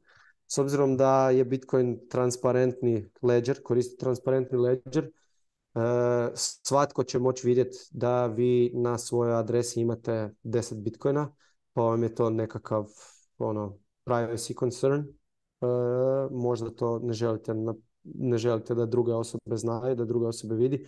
U konačnici čak i ako mislite da nitko drugi to ne gleda, ta sama osoba koja ćete poslati taj 0,1 bitcoin može ući e, u, ono, u samu transakciju kao što je Pavao prije pokazano na Mempool Space-u, sve se vidi koji su inputi, koji su outputi i može vidjeti da, da je na vašu change adresu došlo 9,9 e, bitcoina. Tako da ono, nijedan model nije idealan. U, u, ovom, u ova dva ekstremna slučaja koja sam ja dao, u prvom slučaju imate, imate situaciju da će vam netko vidjeti i znati koliko vi bitcoina imate a u ovom drugom, drugom slučaju ćete platiti nešto veći fi. Ako ste baš ekstremni slučaj koji sam rekao da, da, da steka jednom tjedno i da ima znači, 52 transakcije na kraju godine i sada da na kraju godine iz bilo kojeg razloga želite prodati cijeli taj iznos koji ste zastekali tokom cijele godine, e, morat ćete platiti e, dosta velik fi. I to je to. Manje, još bi zapravo sam spomenuo da, da manje više e, Eh, morate izabrat ako se želite tim baviti, morate izabrati novčanik koji eh, nudi taj nekakav coin control. To manje više, koliko sam ja upoznat s tim, mobilni novčanici nemaju. Eh, neki, zapravo svi hardware novčanici vjerojatno to imaju. desktop novčanici kao što su Sparrow, Spectre i to također imaju gdje možete točno si izabrati UTXO koji želite slat.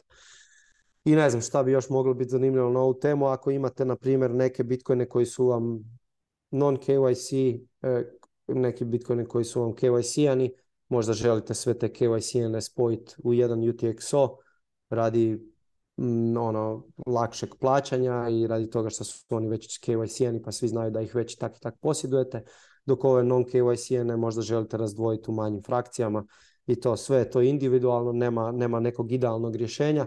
Trebate biti svjesni ono koje su prednosti i mane jedne i druge strane i eto, to je manje više to.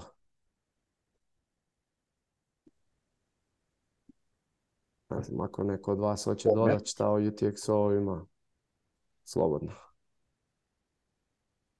Ne, bravo, bravo, lijepo si pokrio to za početnike. Da. Ove, ovaj, taj UTXO management je preporučljiv i kod otvaranja Lightning kanala e, odabrati ono, da ne bude, da bude bez change otvaranja kanala, e, ono, zabereš kompletan UTXO, pa, što je ono, dobra praksa za, kod privatnosti. Ja.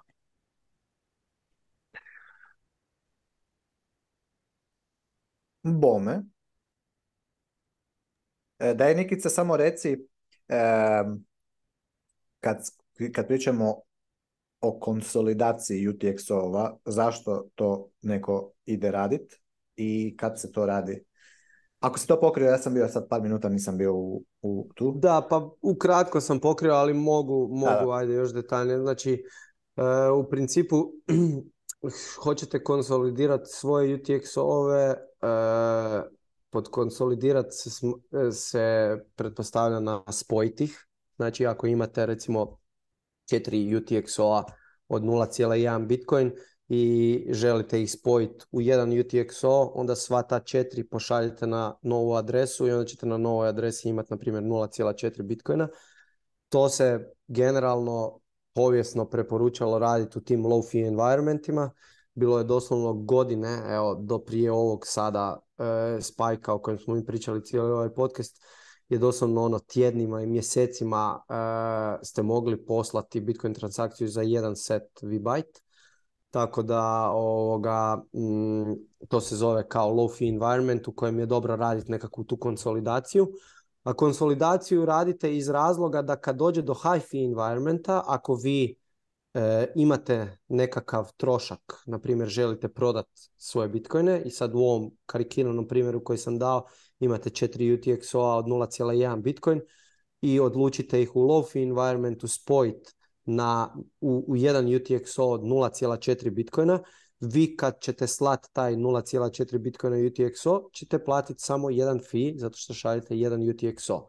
A u slučaju da ih niste konsolidirali, odnosno da ih niste spojili, kad bi slali tih 0,4 bitcoina, bi u suštini to bi vam volet software interface, interfejs, zapravo vi to ne bi ni primijetili da se to događa, jer bi on to sam spojio. Vi kad izaberete pošalji 0,4, ako ne uđete u ono u advanced coin control gdje sam selektiraš UTXO, on to sam odradi.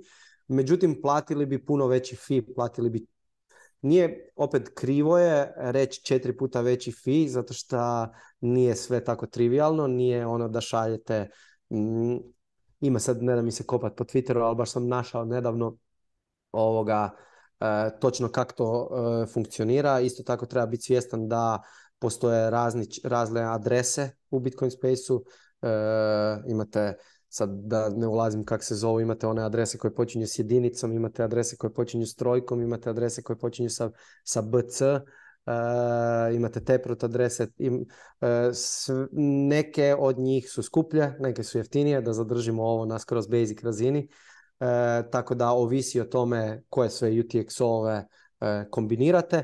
Međutim, u svakom slučaju, ako ne konsolidirate, sama transakcija će biti skuplja i sad u ovoj situaciji gdje je Pavao rekao, na primjer, da je platio 15 eura, onu svoju transakciju, ako da je on joinao, na primjer, 4 e, UTXO-a, umjesto 15 eura bi platio 60 eura. Nemojte me kvotat, nije skroz točno, ovisi o puno drugih faktora, ali ono, za potrebe ovog primjera bi platio recimo četiri puta veću e, transakciju. I to je to, zbog toga se rade konsolidacija, E, međutim, isto tako treba biti svjestan da konsolidacija ima i neke svoje negativne mane. Na primjer, ako konsolidirate sve svoje bitcoine u jedan UTXO, svaki put kad šaljete jedan mali dijelić bitcoina, e, zapravo ćete poslati cijeli iznos koji će vam se vratiti, ovaj mali dijelić će završiti toj osobi koju ste poslali.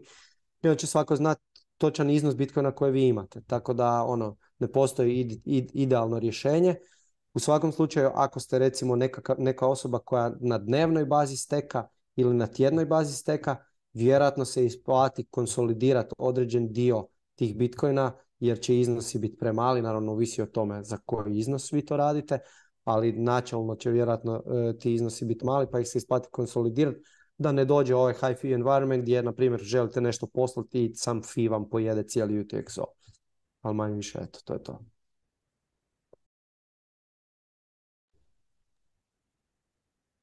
Pa dobro. Eto. Pa snimili smo mi dobro, a? Snimili smo dobru epizodu. Mi a još vjerojatno ima tu tih nekih tema. Da, evo, ja, ja, ne da mi se sad još e, možemo ovo e, privest kraju, ali sam htio reći, s obzirom da nismo to spomenuli u početku kad smo pričali o ovim BRC20 i tim stranjima e, kog god to zanima, imate nešto što se zovu colored coinsi, o kojima bi svakako preporučio ljudima da si pročitaju. Colored coinsi su nastali 2012. na Bitcoinu, slični su koordinalsi. Colored coins se je pokrenuo CEO uh, eTora, Itora, onaj Johnny Asia i druga dvojica koja su mu se priključili su su jedan izraelski matematičar eh, Meni Rosenfeld, ja mislim da se zove i treća osoba je Vitalik Buterin, koji je tad bio naš kad se to pokrenulo. E, colored coins su funkcionirali na sličan način koordinalci, da nalazimo u to, ali trebao se imati poseban wallet koji bi čitao te colored coinove. Zanimljivo je da je najveći wallet taj zatvoren 2018. godine i proguglajte si i pročitajte si taj wallet vam se zvao E, mislim da je nešto Coin Prism, pročitajte si razlog CEO-a Coin Prisma zašto je zatvorio to, a to je manje više udarac na sve shitcoinere i to da e, e, ovoga tokeni nemaju smisla. Tako da, eto, pročitajte si o tome. A kog zanima ovaj high fee environment, povećanje blokova i ta govna, pročitajte si Block Eto. Ovo... Ovaj, Gnojivo je korisno za prirodu. No, da, apsolutno je. Gnojivo je jako korisno. E, naravno, ne u preogromnim količinama, jer prevelika količina opet može spržiti biljku. Znači, in moderation, ali nije beskorisno skroz.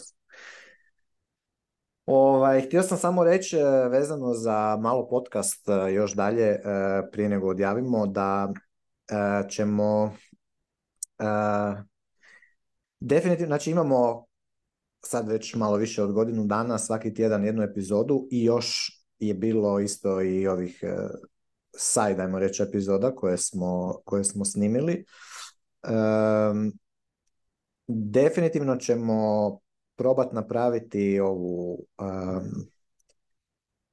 kao taj derveg, mislim to sam spominjao malo ranije isto, odnosno ono, priča, priča o našim bitcoinerima, koja je njihova priča, htio bih pozvati vas koji gledate da razmislite malo isto da se uključite više u podcast. Sad ja znam da, to što smo već ponavljali x broj puta, ali e, ako kome, ako neko ne bi htio da se snima, da, da bude na, na videu, možete isto ovako kao Lux ili Braž isto svoje epizode samo snimio sa ovim svojim E, nekakvim e, ono, avatarom. E, znači, ne morate biti na samom videu, ali bi bilo dobro da se da, da čujemo vašu priču, tako da ćemo sad u narednom periodu malo u kanalu ovaj, e, probati organizirati uz ovaj tjedni tjedno pokrivanje vijesti, komentiranje šta se događa u Bitcoin svijetu, isto taj jedan, kao reći, serijal uh, priče o našim bitcoinerima, kako su počeli i tako dalje. I mislim da će to biti dosta zanimljivo. I to je to što se tiče toga. Što se tiče meetupa, uh, tu na Rabu sam spomenuo, nećemo sad ovaj vikend, nego sljedeći, jer je kiša. Opet ako neko misli doći svejedno i ako prolazi tu ovim prostorima, slobodno se javite pa ćemo snaći sve jedno, da pače. Samo nećemo vaš moć po onako u prirodi vani bit. Um, I šta još? Uh, skužio sam isto sada da nam zapravo treba ovaj treba nam ono tih, tih, e, tih tutoriala praktičnih e, još to trebamo baš doslovno onako snimiti step by step. E, ne znam da li ćemo to raditi u kom formatu, ali o tom potom. uglavnom, to je to. Šta ću sad? Ništa više neću pričati. Pozdravljamo svih. Ako je ko se naljutio na ovaj rent, moj pogotovo na početku, nemojte se ljutiti, to je samo rent. E, sve to, sve to ok, uvijek prije nego, mudro je prije nego, prije nego napravite bilo kakav potez se raspitati kod, kod, u grupi šta biste htjeli napraviti, mi ćemo uvijek biti ono, e, tu za pomoć, jer ovaj, jer kažem, bolje je vjerojatno, uvijek je bolje ono mudrije je učiti na, na tuđim greškama nego na svojim, pogotovo kad se radi o, o, Bitcoinu i o, o novcu a mi smo ono, imamo kumulativno dosta, dosta, dosta iskustva sa svime e, u grupi, tako da e, kažem, e, dođi, ono, pitajte šta vas zanima, to ćemo pokrit. I to je to, ne znam šta bi drugo rekao, pozdravljamo svih, dečki, ono, vi možete zaključiti da se ja mogu povući. Vidimo se sljedeći tjedan. S nekom mudrom. Luks, šta bi? Pozdrav ljudi svima. Enjoy life. Enjoy life. All in u Bitcoin, enjoy life i vidimo se sljedeći tjedan. Ćao, čao.